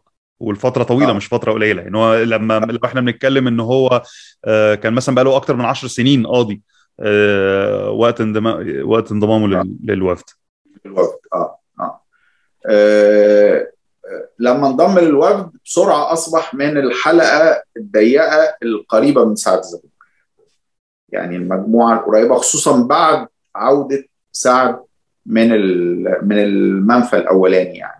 يعني أنا آسف أنا آسف لو أنا بطول الحتة بتاعت رسم الخلفية شوية بس إحنا دلوقتي عندنا ال social media وعندنا exposure ووقت الثورة في 25 يناير لما حصلت كانت المعلومة يعني بتنتقل في ثانية وفيسبوك وخلافه. لكن النحاس وقت انضمامه للوفد هل دوره كان أو معرفة الناس بيه كانت معرفة نخبوية إن هو الدوائر السياسية هي اللي عارفاه ولا كان معروف جماهيريا بصورة أو أو بأخرى في الوقت دوت؟ يعني لأن لأن هو يعني بالنسبة لنا إحنا نعرفه بعد سعد زغلول. لكن في لحظة إن هو في الدايرة الضيقة من حوالين سعد زغلول والوفد هل ده عشان هو كان معروف شعبيا ساعتها؟ حضرتك مثلا أشرت شوية إلى إن الوفد كان واعي بفكرة الاتصال الجماهيري وإن هو كان قادر يعمل حلقات جماهيرية للم التوكيلات وإن هم كانوا مهتمين كمان حتى بالسينما كوسيلة لإيصال صوتهم لل... ومن الواضح إن هم في العمل الجماهيري كانوا ناجحين جدا والتواصل الجماهيري كانوا ناجحين جدا وبناء الشعبية الجماهيرية برضو كانوا آه ناجحين جدا ف... ف من هو مصطفى النحاس قبل انضمامه لسعد زغلول؟ لا يعني هو هو زي ما انت قلت كده في الأول هو معروف في دوائر النخبه وجزء أغلب اللي ضمهم سعد للوفد هم بمعنى ما معروفين في الدوائر النخبة مش في مش مش جماهيريين بمعنى لأن اولا أنت خارج من فترة الحرب العالمية الأولى اللي ما كانش فيها نشاط سياسي قبلها طبعا طبعا في شخصيات كانت ليها دور من قبلها زي علي شعراوي مثلا زي عبد العزيز فهمي. كانوا شخصيات مع حمد الباسل باعتبار ليه عصبية في في الفيوم. يعني في بعض الشخصيات كانت المعرفة بيها أوسع أو معرفة بمعنى إنهم من عائلات كبيرة زي محمد محمود مثلا إنه من عيلة من كبار الملاك في أسيوط ليهم وضع ومكانة كبيرة. أبوه سياسي برضه مهم من اشتغل في العمل السياسي قبل الحرب وعندهم عصبية. فكان في الطريقة دي في تشكيلة الوفد. مصطفى الباقي معروفين في إطار النخبة السياسية يعني النخبة اللي بتشتغل بالعمل العام والعمل السياسي. بسرعة مع انضمامهم للوفد ومع تفجر الثورة تحولوا لوجوه جماهيرية. ما كانش حد عارفهم قبل كده. يعني أصبحوا قادة جماهيريين وقادة شعبيين بعد انضمامهم للوفد وبعد قيام الثورة. يعني الجملة يعني اللي كانت الجملة اللي كانت الحقيقة يعني بتستفزني جدا والكتاب دوت اضاء لي نور كتير فيها. كانت دايما لما بيجوا يتكلموا على لحظة النفي لسعد زغلول أو الوفد سعد زغلول كان زي ما إحنا اتعلمناها سعد ورفاقه. آه تم نفي سعد ورفاقه. آه. فاللي هو مجموعة سعد في الوفد. إن هو مش ما, ما نعرفش مين ال يعني يعني ال إحنا بالنسبة لنا إن سع يعني في المخيلة الشابة مثلا أو من جيل اللي تم نفي هو سعد زغلول. آه أنا مثلا يعني متأخر قوي لما عرفت إن مصطفى النحاس كان منفي في سيشل مع سعد زغلول. بالنسبة لي إن سعد زغلول اتنفى مرتين و end of text لكن دلوقتي لا ده النحاس كمان من القيادات السياسية المهمة اللي كانت ليها نوع أنواع الجماهيرية قبل النفي. طبعا بعد حضرتك بتقول إن هو اتعرف بعد انضمامه للوفد بس إن هو ما كانش مش عاوز يعني ما كانش مجهول بالنسبة للجماهير. لا ما كانش مجهول بس ما كانش شخصيه يعني ما هو سعد زغلول شخصية معروفة يعني نزل انتخابات ونجح وخد مقعد علي شعراوي كان في الجمعية التشريعية يعني ما هواش بدرجة الانتشار الجماهيري لسعد أو لعلي شعراوي أو لحمد الباسل يعني في درجات متفاوتة. لكن شخص معروف في الأوساط السياسية والأوساط النخبة شخصية معروفة. وهو في الأول ما جاء كل الشخصيات اللي جابها شخصيات ليها وزنها في النخبة السياسية. يعني ممكن ما يبقاش كانش ليهم نشاط جماهيري لكن على الأقل في وسط النخبة معروفين. التعرف الواسع عليه بدأ مع ثورة 19 يعني مع كل دول اللي انضموا للوفد أصبحوا أسماء لأن بينزل أخبارهم وأساميهم في الصحافة في في البيانات. لما كانوا بيطلعوا بيانات باسم الوفد كانوا عادة بيوقعوا بأساميهم. يعني بيبقى البيان ممضي بأسامي هيئة الوفد كاملة مش مش مش توقيع الوفد المصري يعني هيئة الوفد فلان وفلان وفلان وفلان ويمضوا بأساميهم كلها. فابتدى يبقى الأسامي معروفة. وآلية انتشار المعرفة بيهم فعلا فكرة المنشورات لأن الصحافة طبعا كان في رقابة على الصحافة. الاحكام الوقفيه فضلت مفروضة لغاية سنة 23 فكان المنشورات اللي بتتوزع وسيلة أساسية لتعريف الناس بهؤلاء الزعماء وأداة للتواصل مع الجمهور ورغم طبعا محاولة مصادرة المنشورات دي لكن كان في آلية لطباعتها بالآلاف وتوزيعها بالآلاف على الناس. يعني أنا أظن كمان من المعوقات ساعتها ان إن القارئين في مصر كتير ما كانوش كتير ساعتها طبعا المتعلمين في مصر ما كانوش نسبه معتبرة بس التنظيم الشعبي لحزب الوفد قدرته على إن هو يوصل يوصل المنشورات أو محتواها لكل أفراد الشعب كان طبعا يعني يحسد عليه وقدرتهم على إن هم يلموا توكيلات من من الشعب كله بيقرا أو ما بيقراش برضه يعني بتهدم في لحظة لو حضرتك تفتكر برضو إن كان في فترات في حياتنا مؤخرا كان في نقاش على إعادة فتح هو الجاهل أو الأمي ليه حق التصويت ولا لأ؟ هل إحنا يعني اللحظة دي أو حسن تنظيم الوفد وتواصله وإن هو بوصلة الشعب كانت ماشية معاه بهذه الصورة مع إن نسبة التعليم ساعتها كانت أقل بكتير من نسبة التعليم دلوقتي. يمكن كانت بتقول كمان إن لأ إن مع التنظيم الجيد ومع التواصل الجماهيري الحقيقي حتى الغير متعلمين بيبقوا بنقدر نديهم فرصة القدرة المشاركة الكاملة في, في, في أحداث تاريخية وسياسية مهمة زي المرض المصري. أعتقد إن تاريخ مصر الثقافي بالمعنى ده محتاج إعادة دراسة حقيقية عشان نعرف آليات التواصل وقد إيه كانت درجة الأمية و... يعني أنا هقول لك على سبيل المثال من حاجة قريبة مني أنا. يعني أنا جدتي لأبويا مش متعلمة دخلت المدرسة في المنصورة سنة دراسية واحدة في مرحلة وهي طفلة صغيرة يعني مرحلة رياض أطفال وانقطعت. مع ذلك لغاية قبل وفاتها بسنين قليل يعني بسنتين لما نظرها ضعف قوي كانت بتقرأ. ما بتكتبش بس بتقرأ بتقرأ الجورنال. شاركت في ثورة 19 وكانت بتقرأ منشورات الثورة. في حاجة كمان ظاهرة كانت موجودة ويمكن لما نشوف في بين القصرين عند نجيب محفوظ وهو بيتكلم عن مرحلة الثورة. ما هي فكرة إن حد ياخد البيان ويقرأه للناس؟ مظبوط. كانت وسيلة لغير لغير القادرين على القراءة. أنا وأنا بش بقرأ وهنا الناس بتشوفها كخيال روائي وبرضه من الحاجات الطريفة جدا دايما كنت بضحك على الفيلم لما عملوا حسن الإمام فوهم في المطبعة السرية قاعدين بيطبعوا يقفوا يكتفوا ما أعرفش. فكنت بشوف يعني انها صورة خيالية بس وأنا بقرأ مذكرات النحاس وهم قاعدين في البيت بيهتفوا. أيوه. يعني يعني هم الست قاعدين في البيت يقوموا يهتفوا. فواضح إن هو حسن الإمام الحقيقة ما عملش حاجة خيالية وعمل حاجة من الواقع. الحاجة الثانية أنا وأنا بقرأ مذكرات الدكتور مصطفى الحفناوي وهي مذكرات ابنه الدكتور علي الحفناوي نشرها مؤخرا من سنتين. ومذكرات مهمة جدا وكاشفة طبعا. طبعا هي دوره المهم جدا في تامين قناة السويس وفي وبيحكي تفاصيل إزاي قدر يخترق شركة قناة السويس في فرنسا. ومساعدة محمد صلاح الدين آخر وزير خارجية للوفد ليه في إنه زرعه في السفارة المصرية هناك عشان يقدر يوصل للوثائق دي. المهم يعني هو كاتب في فترة طفولته اللي هي في الفترة المقاربة لثورة 19 إزاي كان بيخرج من القرية يروح في واحد بياع جرايد؟ كانت تجي له الجرايد فالناس تتجمع حوالين اللي بيقروا واللي ما بيقروش يقرا لهم الأخبار اللي في الجرايد.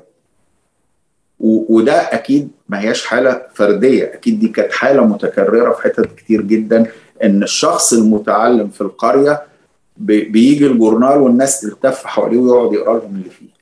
مفهوم. أنا عاجبني جدا إن حضرتك في جملة اعتراضية كده بترمي قصة مثيرة جدا في بتاع قناة السويس وبعد كده بنكمل بسرعة يديه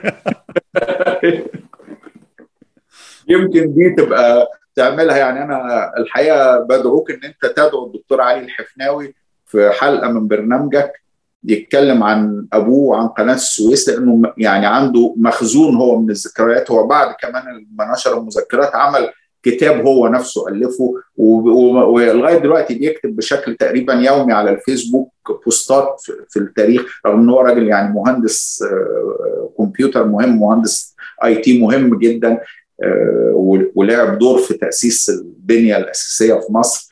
لكن هو كمان اهتمامه بقضيه قناة السويس بالتحديد بالوضع بالقضية الوطنية بشكل يعني مهم جدا فعلا إن أنت تدعوه شرف ليا وعم أظن حقبة مهمة جدا وقصة مهمة جدا إن إحنا نحاول إن إحنا يعني طبعا, طبعا. يعني ده ده طبعا. نتكلم مع حضرتك في الموضوع ده وإزاي نقدر نعمل نعمل الحلقة دي على طول. خلاص بالنسبة للنحاس يا دكتور حضرتك بتشتغل على المذكرات دلوقتي.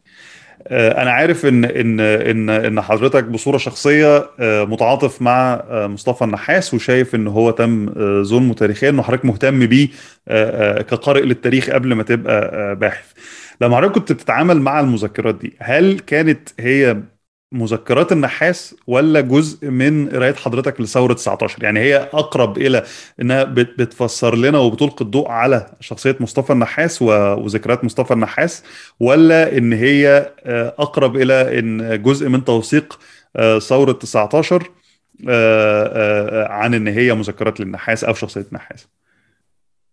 هي الحقيقة الاثنين يعني من ناحية هي بتلقي مزيد من الضوء عن شخصية مصطفى النحاس. أنا بالنسبة لي مصطفى النحاس شخصية ارتبطت بيها وجدانيا من طفولتي مش وأنا بقرأ التاريخ من حكايات جدتي عنه ومن هذا الشخص المحجوب ذكر اسمه عن الناس. يمكن أنتوا في جيلكم بيجي اسمه في المقررات الدراسية كده عرضا. إحنا ما كانش ممكن حتى يجي اسمه بيجي سعد الزغلول كده برو عتب يعني عشان ما ينفعش ما يقولوش حاجة عنه لكن بيجي وإحنا وفي المادة أسباب فشل ثورة 19 اللي هي متاخدة من الميثاق الوطني كده. آه وفي تقديري إن الحقيقة اللي ساهم في هذه الصياغة هو جزء من تيار اليسار المصري للأسف يعني.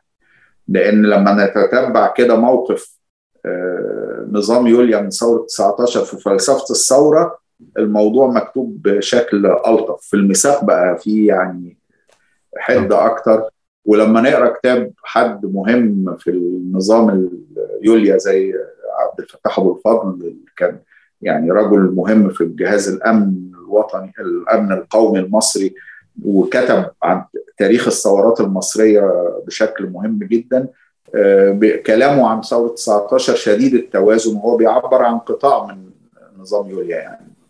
لكن المهم يعني فأنا كنت بسمع عن هذا الشخص من جدتي وبعرف عنه وبعدين لما مات سنة 65 كان عمري وقتها 10 سنوات شفت اللي حصل في جنازته إزاي يعني الجنازة دي تحولت لجنازة شعبية كبيرة وصورها طبعا نادرة جدا الفوتوغرافية لأنها كانت صدمة للنظام كان لسه نظام عبد الناصر في عز قوته حصل قبل هزيمة 67 وقبل يعني تعثر الخطة الخمسية الأولى أو اعلان الكشف عن تعثرها يعني.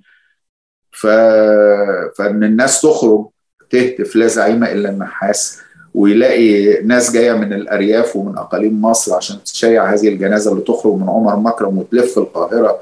ويقول لك النعش طاير وهو عاوز يروح يزور سيدنا الحسين عاوز يروح ف... وبعدها طبعا حصلت حملة اعتقالات لعدد من الوفديين وعدد من اللي شاركوا في الجنازة بعضهم استمر في الاعتقال لشهور.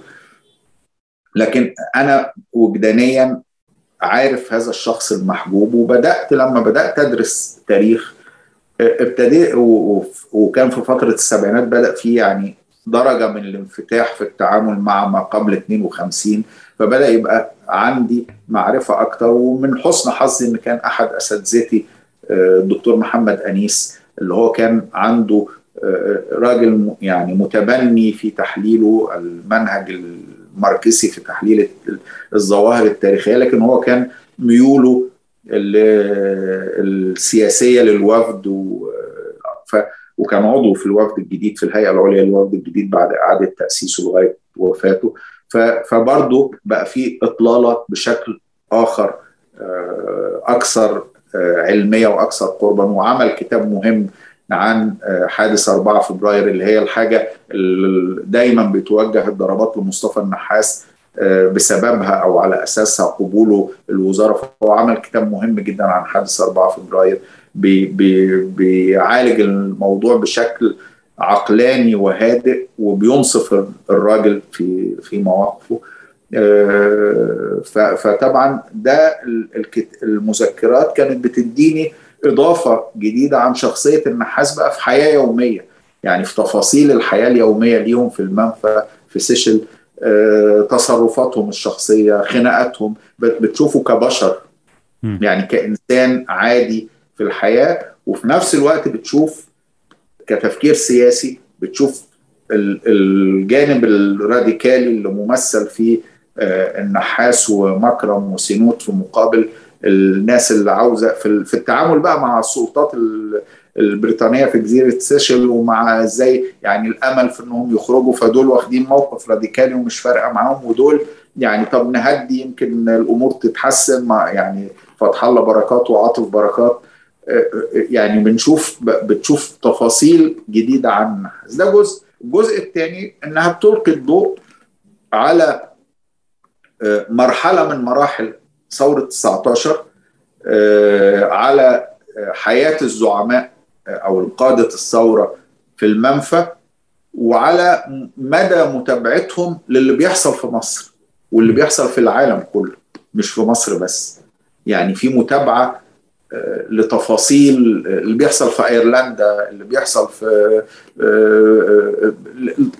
في الهند اللي يعني يعني في حالة من المتابعة والاهتمام بيبين لك هذا الجيل اتكون سياسيا إزاي واشتغل سياسة إزاي وحقق اللي حققه إزاي. النقطة واللغة كمان يا دكتور. أنا أنا برضو كنت قاعد مركز وأنا قاعد الكتاب في استخدامهم للغة. إحنا هنا بنتكلم على قاضي وأكيد دراسته في بعض الوقت كانت دراسة شرعية. فإحنا دايما ب... وإحنا بنفكر في سعد زغلول أو بنفكر في طبقة السياسيين بتاعتنا. ساعتها بنتكلم إن استخدامهم للغة العربية بالنسبة لنا يمكن اللي هو اللي إحنا بنعتبره لغة الأهرام مثلا أو اللي هو العربية الفصحى الفخيمة مثلا أو حاجة زي كده. لكن لما بتشوف استخدامهم للغة وإشارة حضرتك مثلا إن هم كانوا بيستخدموا كشفرة اللغة الفرانكو إن هو زي ما إحنا كنا بنتكست باستخدام حروف إنجليزية أو لاتينية في وسط كلامنا العربي إن هم كانوا بيستخدموها كده أو استخدامهم حتى الاملا بتاعتهم لبعض الكلمات العربية. يعني بالنسبة لي كان واضح جدا إن في في اختلاف وإن في تطور ما بين استخدامهم للغة ساعتها كدرجة أو ككتابة واستخدامنا حاليا للغة. مصطفى النحاس دايما بيوصف بان هو كان سياسي شعبوي وان هو كان بياخد قرارات أكثر لجماهيريتها عنها لسياسيتها. وان هو راجل مش مش عاوز أقول بسيط أو يعني ده اللي على المسلسلات اللاحقة بت بتحاول تصوره لنا حضرتك من وجهة نظرك لو أنت هتقيمه بأثر رجعي كده ك ك كسياسي وتحاول توصفه كسياسي أو توصفه كشخص حضرتك شايف النحاس إزاي؟ وهل التصور ده اختلف بعد تحريرك للمذكرات دي ولا تم تأكيد التصور اللي حضرتك كنت من الأول؟ هو اولا المذكرات ما ب... ما, فادتنيش قوي في التغيير ده لأنها في فترة قبل المرحلة اللي بقى بيلعب فيها دور مهم لما بقى رئيس وزراء وبقى زعيم الوفد أو رئيس حزب الوفد بعد وفاة سعد زغلول سنة 27 أنا ما بشوفش النحاس شعبوي. يعني سعد ممكن يبقى في حتة شعبوية أكتر من النحاس. شعبوية بمعنى إن هو يتجاوز حزبه ويخاطب الجماهير مباشرة يعني بمعنى ال ال بالمعنى يعني مفهوم. موقف سعد في أبريل 21 لما يبقى حزبه قيادة حزبه عاوزة حاجة وهو في سكة تانية خالص لا يعني ممكن يستخدم الشعب في إن هو يضغط على حزبه هو شخصيا أو إن هو يكسر قرار تم اتخاذه ديمقراطيا بآليات شعبوية. بالظبط. النحاس ما بيعملش ده.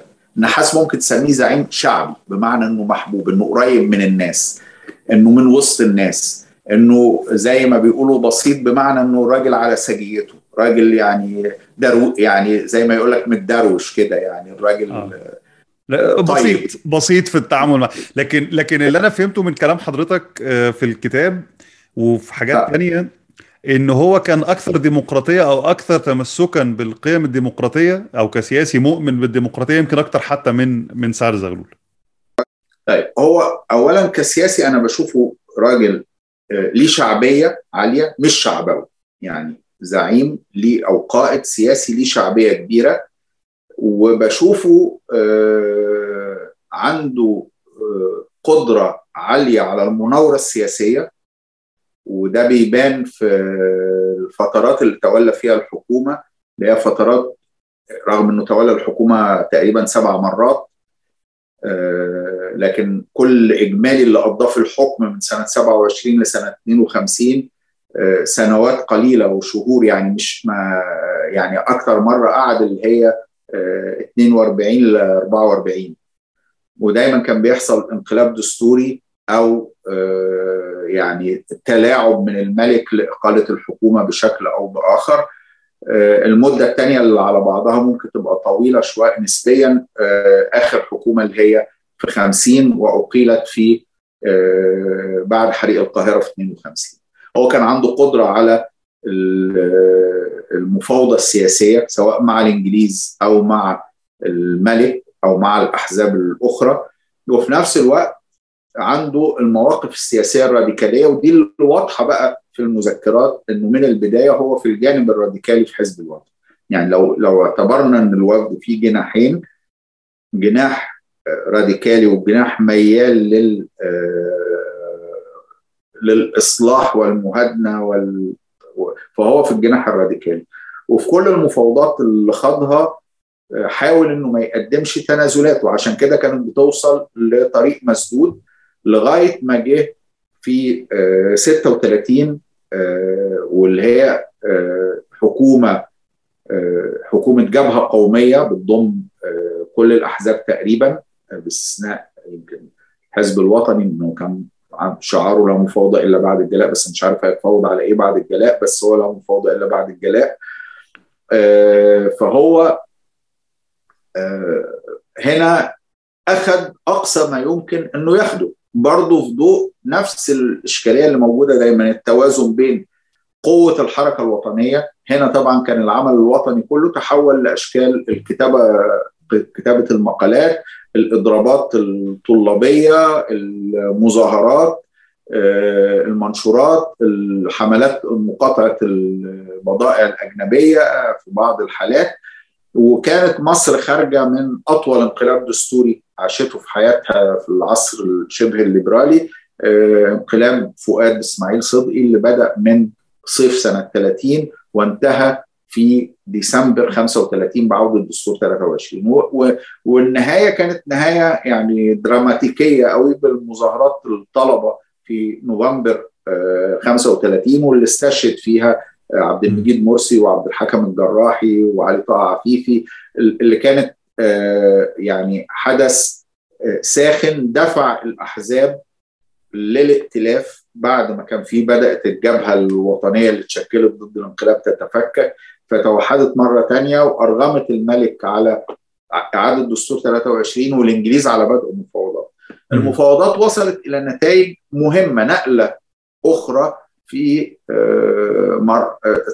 استقلال مصر إن أنت ألغيت الامتيازات الأجنبية ودي كانت خطوة مهمة جدا إن أنت حددت الوجود البريطاني بمقتضى المعاهدة دي. هي المشكلة إن المعاهدة نتيجة لإقالة الوفد بعد شهور من توقيع المعاهدة وتوقيع اتفاقية مونترو لإلغاء الامتيازات. تمت إقالة حكومة الوفد ف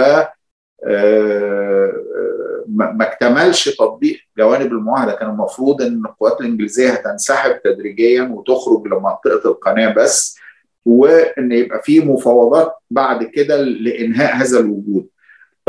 وجات الحرب العالمية الثانية طبعا رجعت الأمور لأن مقتضى المعاهده كان في حالة نشوب الحرب. لازم يبقى مصر بتقدم تسهيلات للقوات البريطانية إنها تبقى موجودة. وطبعا جزء من اللي دفع إنجلترا لتقديم تنازلات في 36 ما كانتش بتقدمها طول السنين من 22 لغاية 36 هو إحساسها باقتراب الأزمة الكبيرة في أوروبا واحتمال اندلاع الحرب اللي حصل بالفعل سنة 39 طول المراحل دي النحاس كان مفاوض بارع سياسي بيقدر يعمل توازنات حتى جوه حزب الوفد بعد ستة. بعد الحرب العالمية لما ظهر تيار يساري جوه الحزب تيار الطليعة الوفدية في مقابل صعود مجموعة كبار الملاك جوه الوفد اللي بدأوا اللي بياخدوا الوفد في سكة للتهدئة مع الملك و. فهو كان بيل... قادر يقود هذا التوازن هو الأقرب ليه مجموعة الطليعة الوفدية آه ولكن آه هو برضه بيحافظ مين اللي بيمول الحزب ومين اللي بي فهو بيعمل هذا التوازن. وهنا الحزب بقى كان اتحول لحزب سياسي. ما بقاش الحركة الجماهيرية الواسعة. آه حقيقي في أي انتخابات بياخد الأغلبية بشكل مرتاح لكن أصبح حزب سياسي آه تقليدي بمعنى كبير. شعبية النحاس كان يعني طبعا في مشهد كاتباه الدكتوره لطيفة الزيات في كتابها حملة تفتيش اللي هي أشبه يعني حالة من حالات الذكريات كده. فكاتبة في وقت أزمة الانقلاب الدستوري اللي هي 30 35 لما كان النحاس بيعمل هو بيواجه في انقلاب دستوري وفي مصادرة للحريات وفي طه حسين بيتنقل من الجامعة وحافظ إبراهيم بيترفد من دار الكتب والعقاد بيتسجن و وتماثيل سعد اللي بيعملها مختار بتتمنع إقامتها. يعني في حالة حتى من محاربة يعني كل حاجة في المجتمع فهو بينزل الشارع وبيعمل جولات في المحافظات فيقطعوا السكة الحديد ودي المحاولات اللي حاولوا وصل الأمر محاولة اغتياله يعني اغتياله بسمك عسكري من القوات بيضربوا بسمك البندقية وسينوت حنا فداه ومات يعني خد الطعنة ومات عشان ما. ما تجيش في النحاس فبنشوف النحاس مثلا مش بس على مستوى. يعني. ال... قادة الحزب اللي ليه شعبية في وسطهم لا في الشارع لما بيروح المنصورة وهي كانت دكتورة لطيفة تلميذة وقتها في في ثانوي وبتشوف أو يمكن حتى في ابتدائي وبتشوف لما جاي فالحكومة بتعمل خنادق في الشوارع علشان العربية ما توصلش للسرادق المقام ليه. وقوات بتضرب نار على مظاهرة الوفد اللي النحاس في وسطها في العربية. فالناس بتشيل العربية وهم بيتضرب عليهم نار تعديها من خندق لخندق لخندق لغاية ما توصلوا للسرادق يعني ده مشهد طبعا أنا دايما بيذكرني بالمقابل الناس بيقعدوا يعني إن إزاي لما جمال عبد الناصر راح سوريا فشالوا العربية. ده أنت في وسط يعني يعني ده ده بيشيلوا العربية وهم بيتضرب عليهم نار علشان أيوة. يوصل لسرادق يقول فيه الخطبة الموجهة ضد الحكومة.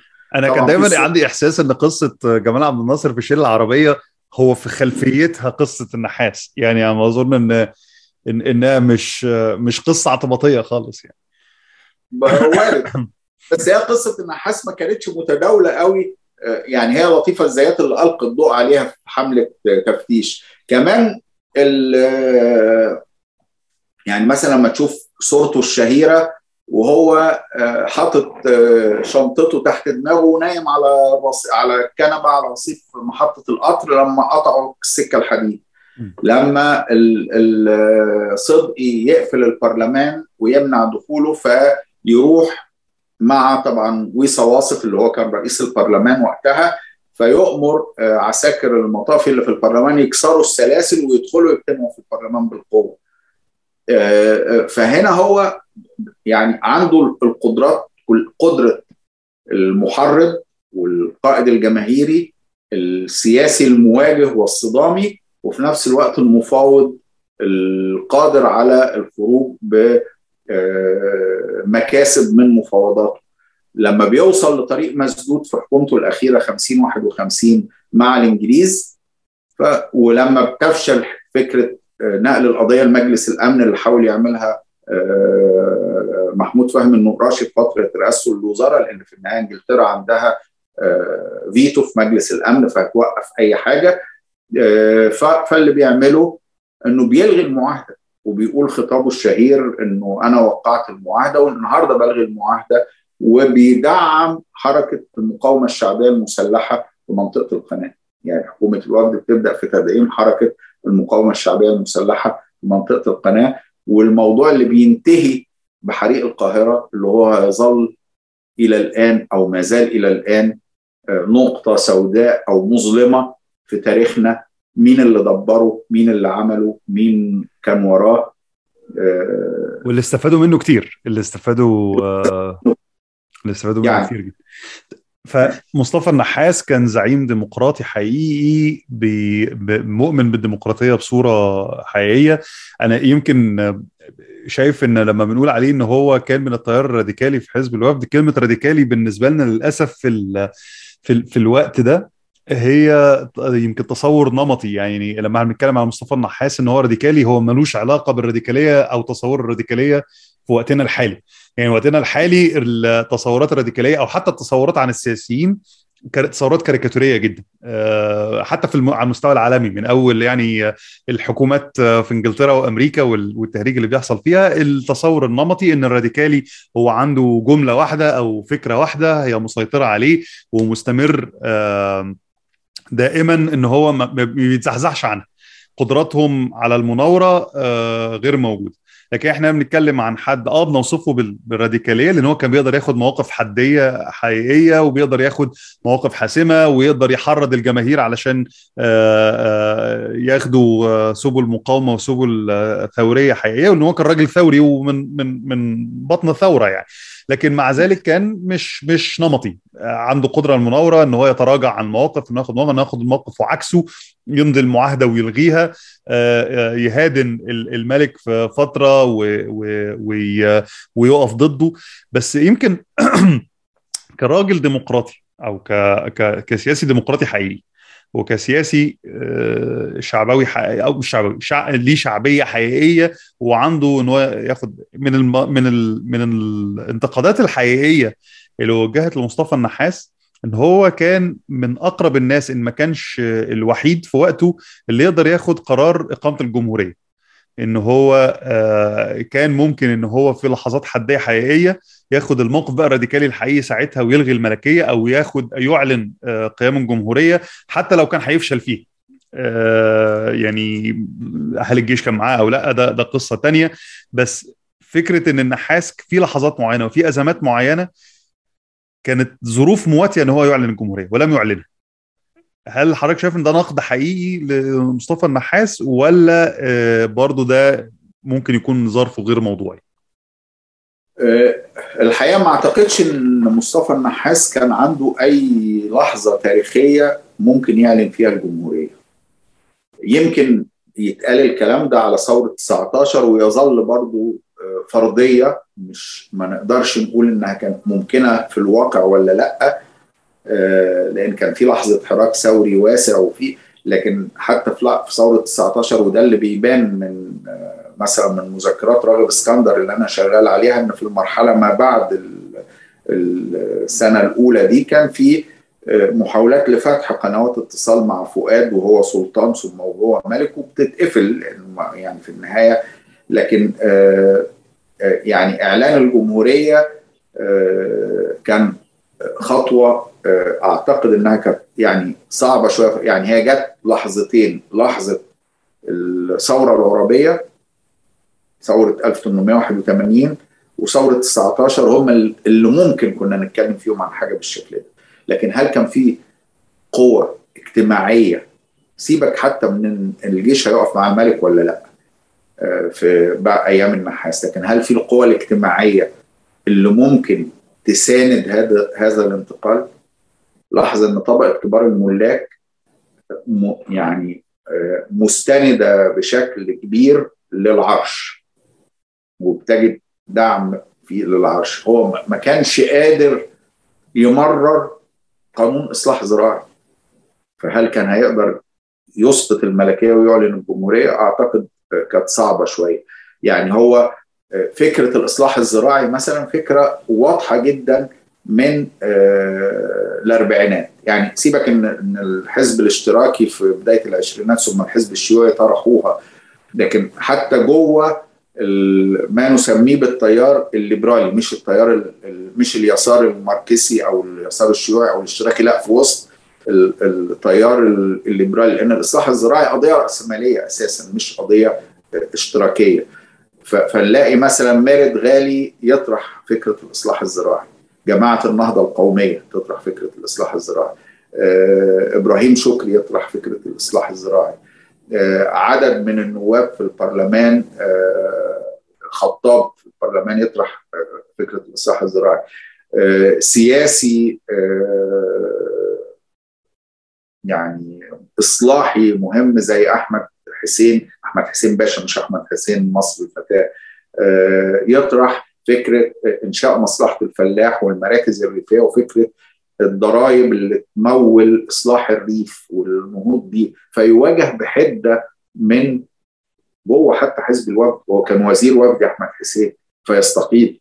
لأن وهنا النحاس مش قادر ياخد القرار ده لأنه في النهاية توازنات القوى ما هو سعد الزغلول اللي يطيح بأهم قيادات داعمة وممولة للوفد في بداياته لأنه في حركة جماهيرية كبيرة في الشارع. الحركه الجماهيريه ما كانتش بالقوة دي. ممكن يكون كان متردد في الحتة دي مش يعني ما لكن في الآخر ما ما كانش في قوة موضوعية يعني أو قوة اجتماعية موضوعية تمكنه من ده. يعني الفكرة موجودة في جزء من النخبة. بنلاقي مثلا صبحي وحيدة في أصول المسألة المصرية بيلح على أهمية الصناعة وأهمية تغيير التركيبة اللي موجودة في المجتمع للخروج من أزمة هذا المجتمع. لكن مفهوم. طيب. لو بدأنا بقى ندخل في في في مضمون المنفى نفسه ومضمون المذكرات. اولا هو تم نفيهم لسيشل. في الأول أول ما كان إن هو بيتقبض عليهم وبيتم ترحيلهم هم كانوا الخبر اللي عندهم إن هم غالبا كانوا هيروحوا سيلان أو كانوا هيروحوا زي ما أحمد عرابي راح. وكان الهاجس طبعا هو مش خبر هم التخوف. توقع. آه. دايما دايما آه يعني تجربة عرابي اللي قعد في المنفى آه 20 سنة آه حاضره في ذهنهم ومتخوفين منها. وهم طبعا يعني كانوا آه يعني بمعنى ما هم امتداد لثورة 81 يعني بمعنى كبير يعني هم امتداد لثورة 81 فهم كان ده التخوف. حتى في النفي الأولاني لمالطا برضه وهم رايحين كانوا خايفين من ده والقطر مشي هنا راح نزل السويس ولا طلع بورسعيد فيعني يبدأ فأول ما بيبقوا متجهين إلى السويس بالنسبة لهم بيبقى في قلق إن هم رايحين إلى سيلان برضه أنا بتكلم على الوعي الحديث بال... بال... بالنقطة دي. إحنا بالنسبة لنا دلوقتي جزيرة سيشل ده آه يعني إحنا رايحين هانيمون كده اللي هو ده مكان شهر عسل و... و... و... والناس بتتخانق انها تروح سيشل وغالية. لكن لما إحنا بنتفرج عليهم هم رايحين جزيرة سيشل أو معاناتهم هناك مع الجو إن إن هم بقوا شايفين إن الجو غير مناسب لصحتهم وإن هو بقى بيصيبهم بوعكات صحية وإن حياتهم هناك كانت حياة قاسية إلى حد ما. فبرضه يعني اللي في سني لو هو بيسمع إن هم اتمنا في يوم إلى سيشل اللي هو يا ريت طب ما أروح مكانهم أنا كمان. لكن طبعا أيوة. سيشل في وقتهم غير سيشل في وقتنا.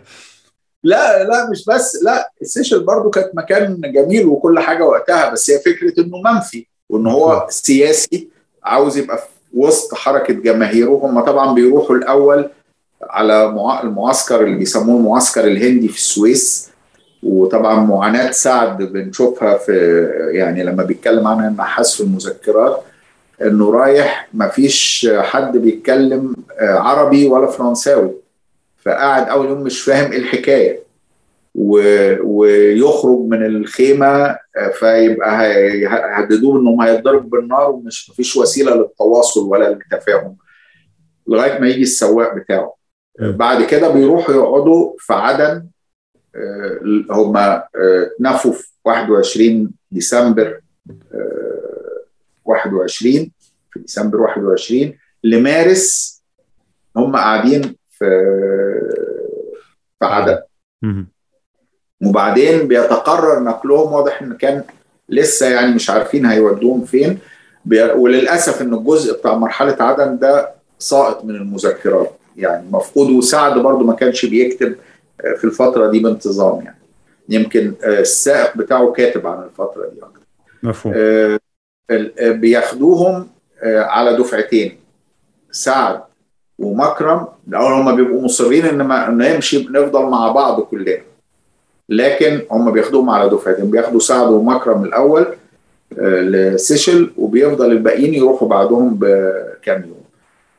هم بيروحوا بقى يوضبوا. هو طبعا بيتصرف لهم مرتب من الحكومة المصرية في أثناء فترة النفي بيتحول على السيشل وبرضه ممكن أهلهم يحولوا لهم فلوس. بس في حدود. يعني التحويلات في حدود معينة. يعني وبيأجروا بيت هم بيدفعوا إيجاره. المشاكل في سيشل مشاكل مع الإدارة هناك. سيشل كانت مستعمرة بريطانيه في الوقت ده وفيها برضو حركة بتطالب بالاستقلال. هي يعني هي يعني نصها فرانكوفون نصها انجلوفون يعني فيها ده وهم بيتعاطف معاهم بقى من الجيران ومن الناس اللي بيعرفوهم يعني بيحصل حركة علاقة ودية مع بعض الناس هناك. بيعانوا طبعا ظروف صحية ان المناخ هناك الرطوبة والحر اللي هو مش متعودين عليه. اثنين هم اللي بيعانوا صحيا أساسا سعد زغلول ومكرم عجيب مكرم لأن بيجي له ملاريا وبيجي له أدوار ديسنتريا بيجي له يعني مشاكل متوالية. وبيبقوش عارفين يعالجوه إزاي. واللافت مثلا إن اللي بيعالجه أو بيكتشف علاجه طبيبه اللي موجود في مصر اللي متابع التطور اللي بيحصل في أوروبا فبيبعت له العلاج. الطبيب اللي هناك مش واصل له ده لسه. ساعد صحته إن هو كبير وعنده يعني بيجي له واضح أزمات زي ربو ربو كده من الرطوبة. وبيبدأ وغير إن عنده السكر كمان وعنده مشاكل في الكلى فبتبدأ مشاكله الصحية دي وملهاش علاج ودي النقطة اللي بيبدأ الوفد المصري يلعب من خلالها في الضغط عشان الإفراج عنه أو نقله لمكان تاني. واللي بتنجح بعد عدة شهور فيتنقل في أغسطس سبتمبر 22 لجبل طارق. ويسمح لصفية زغلول إنها تلحق بيه هناك. طبعا في في الحكايات برضو في بقى ناس مشاكل السنان والطربوش اللي بيقع بتاع فتح الله بركات كل ما يركبوه إنه يبقى خايف من البنج يعني في المشاكل اليومية دي اللي هي مشاكل مشاكل ممكن يعانوا منها في أي حتة بس إحساسهم إنهم في الغربة وبعيد ودايما عندهم هاجس إن إحنا لحسن نموت هنا وما نرجعش بقى. يعني كل دي هواجس موجودة عندهم وباينة في المذكرات. أقلهم تعرضا للإصابات كان عاطف بركات وسينود حنا والنحاس. يعني هم اللي كان صحتهم أفضل يعني. وكانوا والمراسلات الكتيرة اللي كانت ما بينهم وما بين الشعب. يعني الناس كانت بتبعت لهم تلغرافات كتيرة في المنفى. بالظبط. تقريبا يوميا بتجي لهم جوابات وتلغرافات وده بيبين برضه قوة الوقت وبتلاقي جوابات وتلغرافات جاية من حتت غريبة جدا جمعية نسائية ما أعرفش في طنطا نقابة عمالية مجموعة أهالي في منطقة طلبة مدرسة مش عارف إيه. وهنا بقى بتظهر طبعا في حاجتين أنت أشرت لحكاية الفرانكو في كلامك في حاجتين. في إن في ناس بيبعتوا من مصر فرانكو مش لأنه بيعملها شفرة. هو فاكر يعني إن إنه هيكتب بالحروف اللاتينية فتوصل له يعني فهي بتوصل الرقابة ما بتفهمهاش. فيرجعوها تاني. ما تجيش. بيرجعوها لأن ما بيعرفوش يقروا ما بيفهموش إيه اللي مكتوب. عربي بحروف لاتينية. الحاجة الثانية بقى هم كانوا بيعملوا شفرة. ودي لعبة كانوا بيلعبوها باستمرار يعني حكاية الشفرات وحكاية المراسلات يعني سعد لما كان في أوروبا كان بيبعت المراسلات السرية في مجلات علمية. مجلات علمية جامعة الجامعة المصرية مشتركة فيها يفكوا المجلة يكتبوا عليها بمية البصل ويجلدوها تاني وتروح. فكان سكرتير الجامعة شغال مع الوفد ياخد المجلة يوديها لعبد الرحمن فهمي يفكوها ويكووها فيبان الكتاب. ما شاء الله. يكتبوا بميه البصل فما تبقاش باينة. لما تتكوي تبان الكتاب. وكانت دي طريقة باينة بقى في الكتاب اللي عمله أستاذنا الدكتور محمد أنيس من سنين طويلة عن مراسلات سعد وعبد الرحمن فهمي فهم كانوا برضو بيختاروا شفرة عشان يتراسلوا بيها. فيقول لك إن جاية تلغراف تلغراف شفري جاي لهم من الوفد إن مع وفي كلمات يبقى متفق عليها. في شفرات بسيطة بمعنى لما يتكلموا الصحة ما أعرفش إيه الايه بتاع. دي حاجات بسيطة كده. وفي شفرات مركبة. وهم لما جه هيمشوا سعد. يروح جبل طارق. هم كان عندهم يعني تصور انه ممكن حد يروح معاه منه. وحاولوا يضغطوا في السكة دي إنهم خلاص مش هيودوهم كلهم بس عاوزين يروح حد وبدات هنا بقى خناقة بينهم. يعني هم الشباب أو يعني الشباب مجازا يعني لا يعني 40 سنة و45 سنة آه. و50 سنة و... آه. لا يعني مفهوم. سينود حنا ومكرم والنحاس يقولوا مكرم هو اللي يروح لسببين إنه بيعرف إنجليزي والسبب الثاني إنه صحته تعبانة. م. يعني مكرم كان متصور إنه هيموت ويبعت لخطيبته يعني حاجات كده بمعنى إنه بيودعها فتح الله بركات لا أنا اللي عاوز أروح وحكاية إنجليزي دي مش أنا كبير في السن وأنا قريب وهو سعد يعني يعني هم قاعدين يتخانقوا وهو بيجي يقول لك جالي صداع من خناقهم مش عارف يعني م. ويحتدوا على بعض فيبقى هو عاوز يهدي الأمور وبعدين في الآخر بيحلفهم وهو ماشي. طبعا بيقول ما فيش حد هيروح معاك فبيحلفهم وهو ماشي إن مش هيتخانقوا إنهم هيبقوا إيد واحدة. وبعدين يتفقوا على شفرة عشان المراسلات بينهم وبين سعد. مفهوم. الشفرة دي بقى شفرة بجد بس بعد ما يكتبوها يعرفوا إن بيحصل تفتيش فبيخافوا فبيقطعوا الشفرة ويتفقوا على شفرة أبسط تتحفظ في الذاكرة. ويبدأوا يستخدموها في المراسلات بينهم وبين سعد بعد ما يوصل جبل طارق. آه جب بعد ما يوصل جبل طارق. وطبعا معاناتهم بقى في الجوابات اللي بتتأخر التحويلات اللي بتتأخر. التحويلات كانت بتروح على بنك بومباي. ويعني وهم يعني قصة طويلة بس برضو بتشوف إن رغم إن إحنا بنتكلم على 100 سنة فاتت قد إيه حركة الاتصالات كانت قوية؟ آه يعني الإمبراطورية الإنجليزية كانت عاملة جزء من الجلوباليزيشن في مستعمراتها أقرب ما يكون لواقعنا الحالي. بالظبط بالظبط. لا وهو حتى يعني الواحد بيفتكر حتى وإحنا في لغاية الستينات يعني لما كنا نسافر مصيف اللي هو مثلا أسبوع ولا أسبوعين نبعت جوابات ونتلقى جوابات لأهلنا في القاهرة. يعني كان الجوابات بتوصل بسرعة جدا والردود بتيجي بسرعة. يعني أنت رايح تصيف أسبوعين مثلا فتبعت فيهم أربع جوابات ويجي لك أربع جوابات يعني. يعني عالم آخر بالنسبة لنا الحقيقة يعني. طبعا. يعني أنا أنا حضرت آخر ما حضرت كان فكرة وإحنا بنبعت جوابات وبنبعت شرايط كاسيت. يعني أنا أنا حضرت دي. تاليه بقى. يعني مثلا يعني أنا لا ما إن أنا عمري بعت تلغراف. يعني كان في وقتي وأنا صغير كان في ناس بتبعت تلغرافات بس أنا ما أظنش عمري بعت تلغراف. دكتور ال ال هم معاناتهم مع بيئة جديدة ومختلفة زي جزيرة سيشل اللي هي استوائية شوية. هل حضرتك وأنت بتخلص آخر فترة في الكتاب وحضرتك كنت في تايلاند ساعتها؟ وفي جزيرة برضو مختلفة واستوائية. هل هل ده كان مخليك تستحضر أي حاجة وأنت بتشتغل عليها. يعني هل كان في استحضار لحالتهم بصورة أفضل ساعتها ولا ولا بس اديت لك الوقت الكافي إنك تركز في في الشغل؟ لا تايلاند اولا أنا كنت في الأرض مش في الجزيرة. يعني ما رحتش الجزر خالص أثناء ما كنت في تايلاند. أنا ماليش في البحر فما رحتش الجزر. فكنت في يعني في القارة. أه وفي نفس الوقت تايلاند مش زي يعني تايلاند موسمية مش استوائية. مفهوم. ف... فالجو أفضل. يعني شايف حاسس الرطوبة طبعا وفاهم إيه اللي بيقولوه بالنسبة للرطوبة. لكن طبعا إحنا النهارده في القرن ال21 والبيوت كلها مكيفة والعربيات مكيفة وال...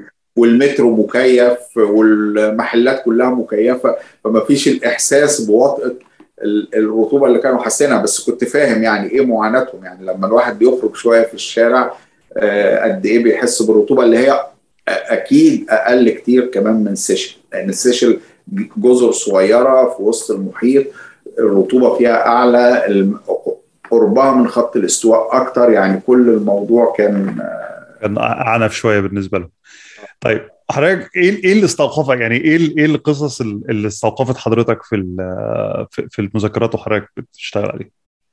استوقفني حاجات كتير قوي اولا استوقفني مقدار متابعتهم للي بيحصل في مصر وقوة يعني جهاز الاتصال في حزب الوفد أو في الوفد يعني ما كانش حزب. إزاي إن بتتبعت لهم الأخبار أول بأول انهم متابعين كل اللي بيحصل ولما بتتأخر شوية المراسلات لسبب أو لآخر إزاي بيبقوا قلقانين؟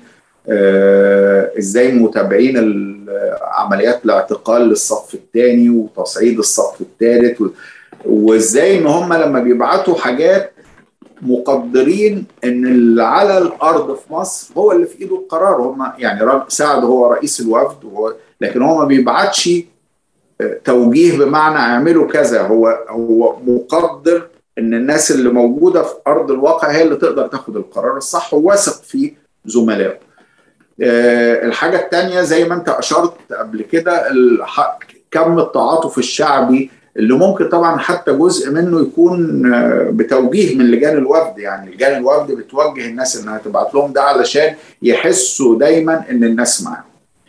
الحاجة الثالثه اهتمامهم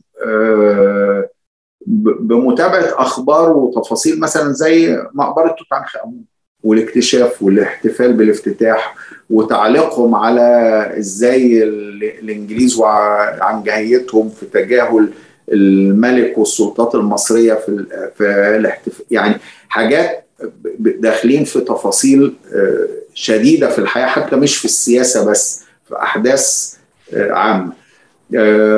متابعتهم لاحوالهم العائلية يعني وصلاتهم بعائلاتهم وحرصهم إنهم يعرفوا الأخبار و... وإيه اللي بيحصل لأهلهم. ده إن حس يشوف أمه وأخواته واولاد أخواته هو ما كانش متجوز وقتها ولا وهو ما خلفش عموما يعني لما اتجوز حتى مكرم وخطيبته أهل خطيبته سينوت ومراته واهل يعني التفاصيل العائلية دي حاضرة دايما في في كتاباتهم. الأحداث العامة الأحداث العامة ومتابعتهم ليها الأحداث العالمية يعني متابعتهم للي بيحصل. لمعاهد للمفاوضات في لوزان بين الوفد و بين الحلفاء وكمال أتاتورك والوفد المصري اللي راح هناك واللي حصل اللي هو كان فيه توحيد بين الوفد والحزب الوطني يعني كأن كانوا هيروحوا وفدين فتوحدوا في وفد واحد وراحوا والمشاكل اللي بتحصل في الوقت ده وتوحدوا تحت اسم الوفد كمان يعني كان تنازل طبعا من وأكيد ما كانش سهل بس حصل وده حاجات إحنا ما نشوفهاش دلوقتي خالص يعني. بالظبط بالظبط بالظبط.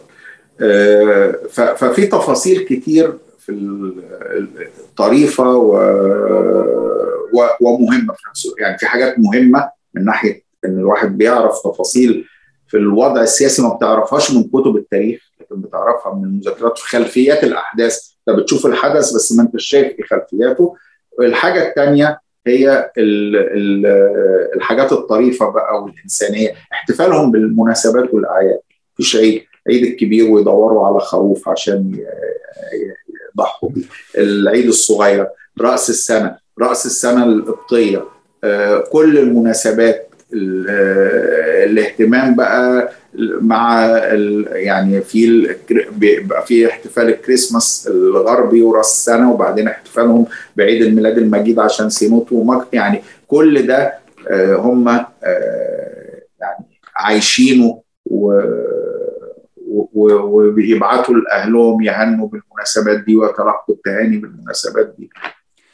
دكتور حضرتك شايف ان إن إن تجربة النفي دي بالنسبة لهم كمجموعة خرجوا منها أقوى ولا خرجوا منها بينهم خلافات أكثر مثلا؟ لا خرجوا أقوى. يعني سيبك يعني أصل آل بركات ما كانوش يعني هم يعني مركزهم في علاقتهم بالقرابة بسعد أكتر لكن فعاليتهم في في العمل السياسي. ما كانتش الأكبر يعني. لكن رجع الثلاثه التانيين سينوت والنحاس و مكرم.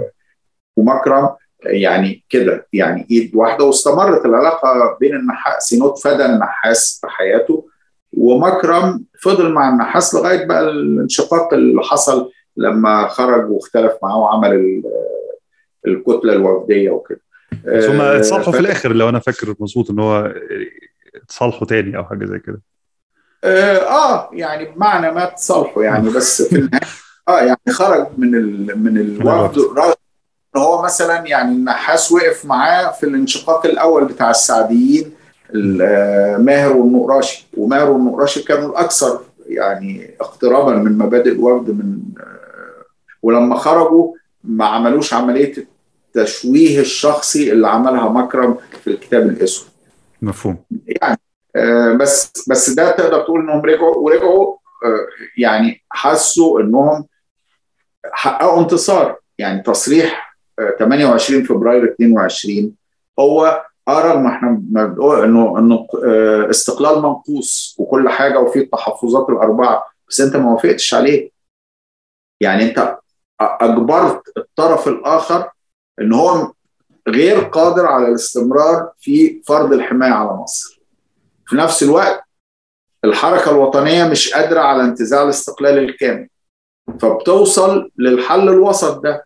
إن إعلان الاستقلال من جانب واحد مع آه يعني إن بريطانيا بتدي لك الاستقلال مع جانب واحد وبتحط أربع تحفظات تقول دي مجال للمفاوضات فتكتسب إن مصر تاخد اعتراف دولي كدولة مستقلة اول اعتراف حقيقي كامل بإن مصر دولة مستقلة لا هي تبعية عثمانية ولا هي حماية أجنبية. يعني معاهدة لندن 1840 إدت كيان سياسي لمصر لكن في ظل العالم العثماني أو في ظل الدولة العثمانية إدت في فكر وكان ده جزء من يعني ضغط الوفد دايما السناد 1840 لكن هنا فبراير 22 نقلة ثانية إن يبقى عندك دستور إن تتحول لملكية مستقلة. كل ده انتصار هم حققوه وهم في المنفى وهم بيقودوا حركة وزملائهم في مصر بيقودوا حركة من داخل هنا بترغم الإنجليز وبتخلي لا توجد حكومة قادرة على إنها توقع معاهدة مع إنجلترا فيها تنازل عن أي حق من الحقوق. مفهوم. ف... ف... أنا قطعت حضرتك كتير بس في نقطة مهمة كنا قلنا إن إحنا هنتكلم فيها وما أقدرش إن إحنا نختم من غير ما نتكلم فيها. مصطفى النحاس كان الرجل الثاني بعد سعد زغلول وانتخابه رئيسا لحزب الوفد بعد وفاة سعد زغلول. هل ده كان لأن النحاس كان تاني أكتر شخصية مثلا في حزب الوفد ليه شعبية وسط الناس ولا إيه إيه الأسباب الموضوعية اللي خلت إن مصطفى النحاس يبقى هو فعلا الخليفة الحقيقي لسعد زغلول؟ والتاريخ بيقول إن هو فعلا عرف يملى الفراغ دوت وإن هو كان واحد من أطول السياسيين عمرا عموما في الحياة السياسية في مصر وتأثيره على الحياة السياسية في مصر. ف ف هل النحاس عانى من فكرة وجوده كراجل تاني أو خليفة سعد زغلول؟ وهل هو فعلا تفوق على سعد زغلول بقى في حياته السياسية ولا؟ لا؟ اولا أنا ما أعتقدش طبعا إنه كان عنده معاناة الرجل الثاني. يعني هو إحنا هنا بنقارن ما بينه ذهنيا على الاقل ما بينه وبين السادات، السادات جه بعد جمال عبد الناصر، النحاس جه بعد سعد زغلول. آه بس خلي بالك في سياق مختلف خالص. يعني هنا آه هو آه جمال عبد الناصر قرر إن ده النائب وتقرر إن ما كانش فيه لا انتخابات هو كان بيبقى فيه استفتاء اللي هو نتيجته يعني منتهية قبل أن يبدأ وهو قرر إن ده النائب الوحيد فأصبح هو رئيس الجمهورية زي ما السادات اختار مبارك نفس الحكاية. يعني طبعا الكاريزما بتاعت عبد الناصر كانت حاطة السادات في تحدي لكن برضه السادات ملا هذا التحدي بشكل آخر. يعني آه هنا كل ده بعيد عن بس بس بس السادات النقطة هنا يمكن مش النقطة العملية النقطة الشخصية في إن السادات كان حاسس بتقل. آه إن هو جاي بعد عبد الناصر وإن كان إن ده كان هاجس شخصي بيأثر على تصرفاته واتخاذ قراراته في إن هو جاي بعد عبد الناصر. هل هل هل خلينا نركز على النحاس طيب. هل النحاس كان هو الخيار الطبيعي آه ولا كان في منافس حقيقي ليه مثلا إن هو يبقى الرجل الثاني أو آه زعيم الجديد لحزب الوفد؟ يعني هو بما إنه آه كان لفترة سكرتير الوفد ووزير في وزارات ووكيل مجلس النواب فكان بمعنى ما متصدر المشهد جوه الوفد. في طبعا زعامات تانية وقيادات تانية كانوا ممكن يكونوا متصورين إن هم اللي هيخلفوا سعد يعني أسماء كبيرة زي حمد الباسل زي حمد الباسل كان بيدخل ويخرج يدخل ويخرج. لكن لكن برضه هو حد ليه وزن وليه شعبية. آه زي محمد صبري أبو علم زي يعني في أسامي كانت في الوفد زي فتح الله بركات برضه يعني كل دي أسامي كانت تتصور إنه ممكن هم يحلوا محل آه سعد زغلول. لكن الممارسة السياسية خلال السنوات من 19 ل 27 و يعني هنا سعد ما سابش وصية يعني. ما هياش ما هياش زي حالة أو ما ما قالش. بس لأن كل الوضع كان بيؤهل مصطفى النحاس لإنه هو يشغل هذا الفراغ. وممكن طبعا يعني يبقى في في ذهن هيئة الوفد اللي انتخبته في سبتمبر بعد شهر من وفاة سعد إنه ممكن اختياره إلى أن يتم يعني تصفية الصراعات بين عناصر أخرى لكن هو كان قادر على إنه يملى المركز بشكل سريع وإنه يتولى بعد كده رئاسة الحكومة الائتلافية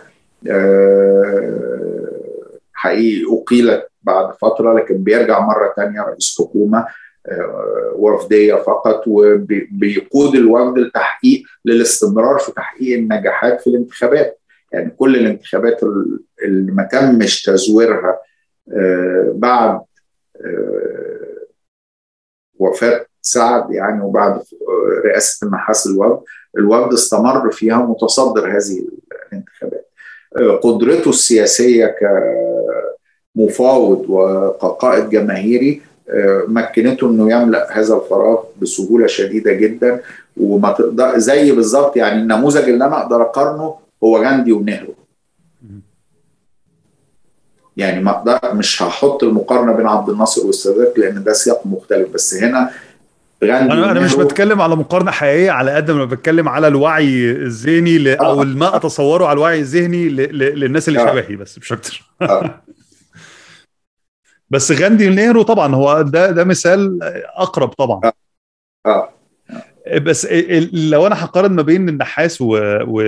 وسعد زغلول هل تصوري إن سعد زغلول كان دايما أقوى في المعارضة منه في الحكم وإن اختبارات الحكم ليه كانت مش مش يعني نقول إن النحاس كان أنجح كحاكم وكأنجح كرئيس وزراء وإن هو كان زي سعد زغلول قوي جدا كمعارض بس في نفس الوقت إن هو كان أنجح منه كحاكم وك وكسياسي في مقعد السلطة.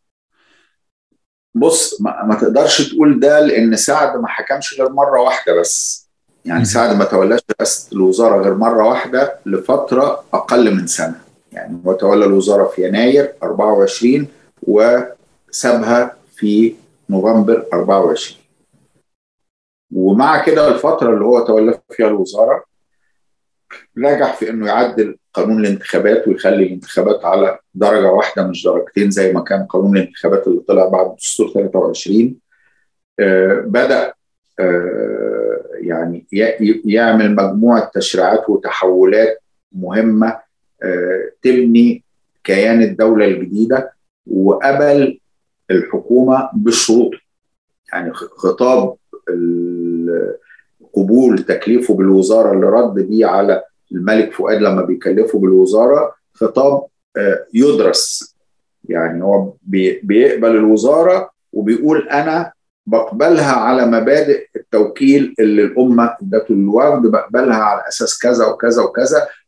يعني فهو ما أعتقدش إنه كان كرئيس حكومة مش ناجح. طبعا في من وقت حتى قبول الحكومة كان في رأي إن الوفد ما يقبلش الحكومة ويفضل هو الكتلة الأساسية في البرلمان ويسيب الملك يشكل حكومة ويبقوا هم معارضه بس طبعا هو ساعات فكر بشكل تاني. أنا ال ال ال الشعب اللي انتخبني ده منتخبني عشان أحكم مش عشان أقعد في المعارضة. حادثه اغتيال السير لي ستاك يعني حاجة جت بره السياق هو هو نجح في انتزاع حاجات من الملك فكرة إن الحكومة هي اللي تعين أعضاء مجلس الشيوخ المعينين يعني تحديد تدخل الملك في تعيين السفراء وقادة القوات المسلحة كل ده هو حجم فيه الملك. فهو كان ناجح بالمعنى ده.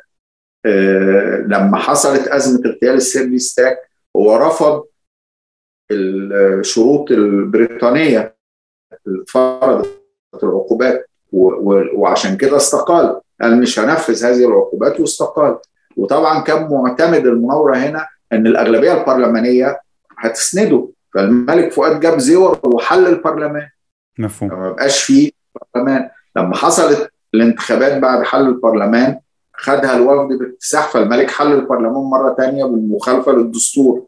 وبدأت هنا بقى الانقلابات الدستورية الحقيقية أو اول انقلاب دستوري واللي نجح سعد في حشد هو والأحرار الدستوريين لمواجهة حزب الاتحاد ولمواجهة زيور اللي هو حزب مصطنع يعني ملوش أساس ونجحوا في إرغام الملك إنه يعمل انتخابات. المرة الثانية برضه كجزء من المناورة السياسية هو قبل إنه ما يبقاش وما كانش في المعارضة. هو كان ائتلاف بيضم الوفد والأحرار الدستوريين. قبل الأحرار ياخدوا رئاسة الحكومة وإن الوفد ياخد رئاسة البرلمان. فبقى سعد رئيس البرلمان ومصطفى النحاس وكيل البرلمان وعدلي يكن رئيس الوزراء. مفهوم. لما الملك عمل انقلابه الدستوري مرة ثانية يعني قبل بقى المرة دي ال ال الأحرار إنهم يعني قبل محمد محمود إنه يقود انقلاب دستوري مع الملك وعمل حكومة اليد الحديدية لما قال سأحكم البلاد ثلاث سنوات قابلة سأحكم البلاد بيد من حديد ثلاث سنوات قابلة للتجديد وما كملش طبعا الثلاث سنين. مفهوم. فحكومته عطل الدستور وفشلت حكومته ورجع انتخابات تانية رجعت مصطفى النحاس وبقى رئيس وزراء. طيب علشان نختم يا دكتور حضرتك في أي حاجة حضرتك شايف إن أنت عاوز تقولها عن مصطفى النحاس أو عن الكتاب للناس اللي بتسمعنا دلوقتي واللي يمكن أول مرة يعرفوا كل المعلومات دي عن مصطفى النحاس؟ يعني اللي عاوز أقوله إن مصطفى النحاس قائد سياسي مصري وشخصية وطنية يعني ما اخذتش حقها من الدراسة والتعريف بيها. تم إخفاء اسمه وتجهيله لسنوات. وإن المذكرات هي نقطة ضوء صغيرة في تاريخ هذا الرجل. طبعا في دراسات اتعملت عنه في يعني في السنوات الأخيرة بعد يعني مرحلة الستينات في رسالة الدكتوراه اللي عملها الدكتور علاء الحديدي اللي رسالة مهمة جدا عن النحاس. في ما كتبوا عنه طارق البشري. يعني في أكتر من حاجة اتعملت عنه في كتابات الدكتور محمد أنيس عنه لكن ما زال يحتاج إلى مزيد من إلقاء الضوء ويمكن المذكرات دي كانت مناسبة يعني جزء من رد الاعتبار لهذه الشخصية. وبس. أنا بشكر حضرتك شكر كبير جدا. يعني أنا أنا غالبا ما استمتعتش في السنتين اللي فاتوا من الحبسة بسبب كورونا بحوار طويل ومكثف زي ما استمتعت النهارده. وآسف جدا إن أنا قطلت على حضرتك وأرهقتك النهارده. وأرجو إن ده ما ما يخليناش إن إحنا ما نتكلمش تاني. يعني انت وعدتني إن إحنا نعمل قعدات نقاشية تانية. في أي وقت طبعا. وأرجو بقى من كل الناس اللي بتسمعنا إن هي تبدأ تقرأ الكتاب مصطفى النحاس مذكرات النفي تقديم وتحقيق دكتور عماد أبو غازي وهو موجود في دار الشروق. فبرضو أرجو إن الناس اللي سمعتنا النهارده إنها تتحمس وتقرأ الكتاب وإن هي تقول لنا بقى في التعليقات آه إيه اللي هم اكتشفوه في الكتاب وايه ردود فعلهم كمان على الكلام اللي اتقال النهارده. آه للمرة الألف أنا بشكر حضرتك آه دكتور عماد على يعني صبرك الأول وكمية المعلومات اللي حضرتك أثرتنا بيها النهارده. شكرا شكرا لك يا هواي ونلتقي على خير دايما. إن شاء الله.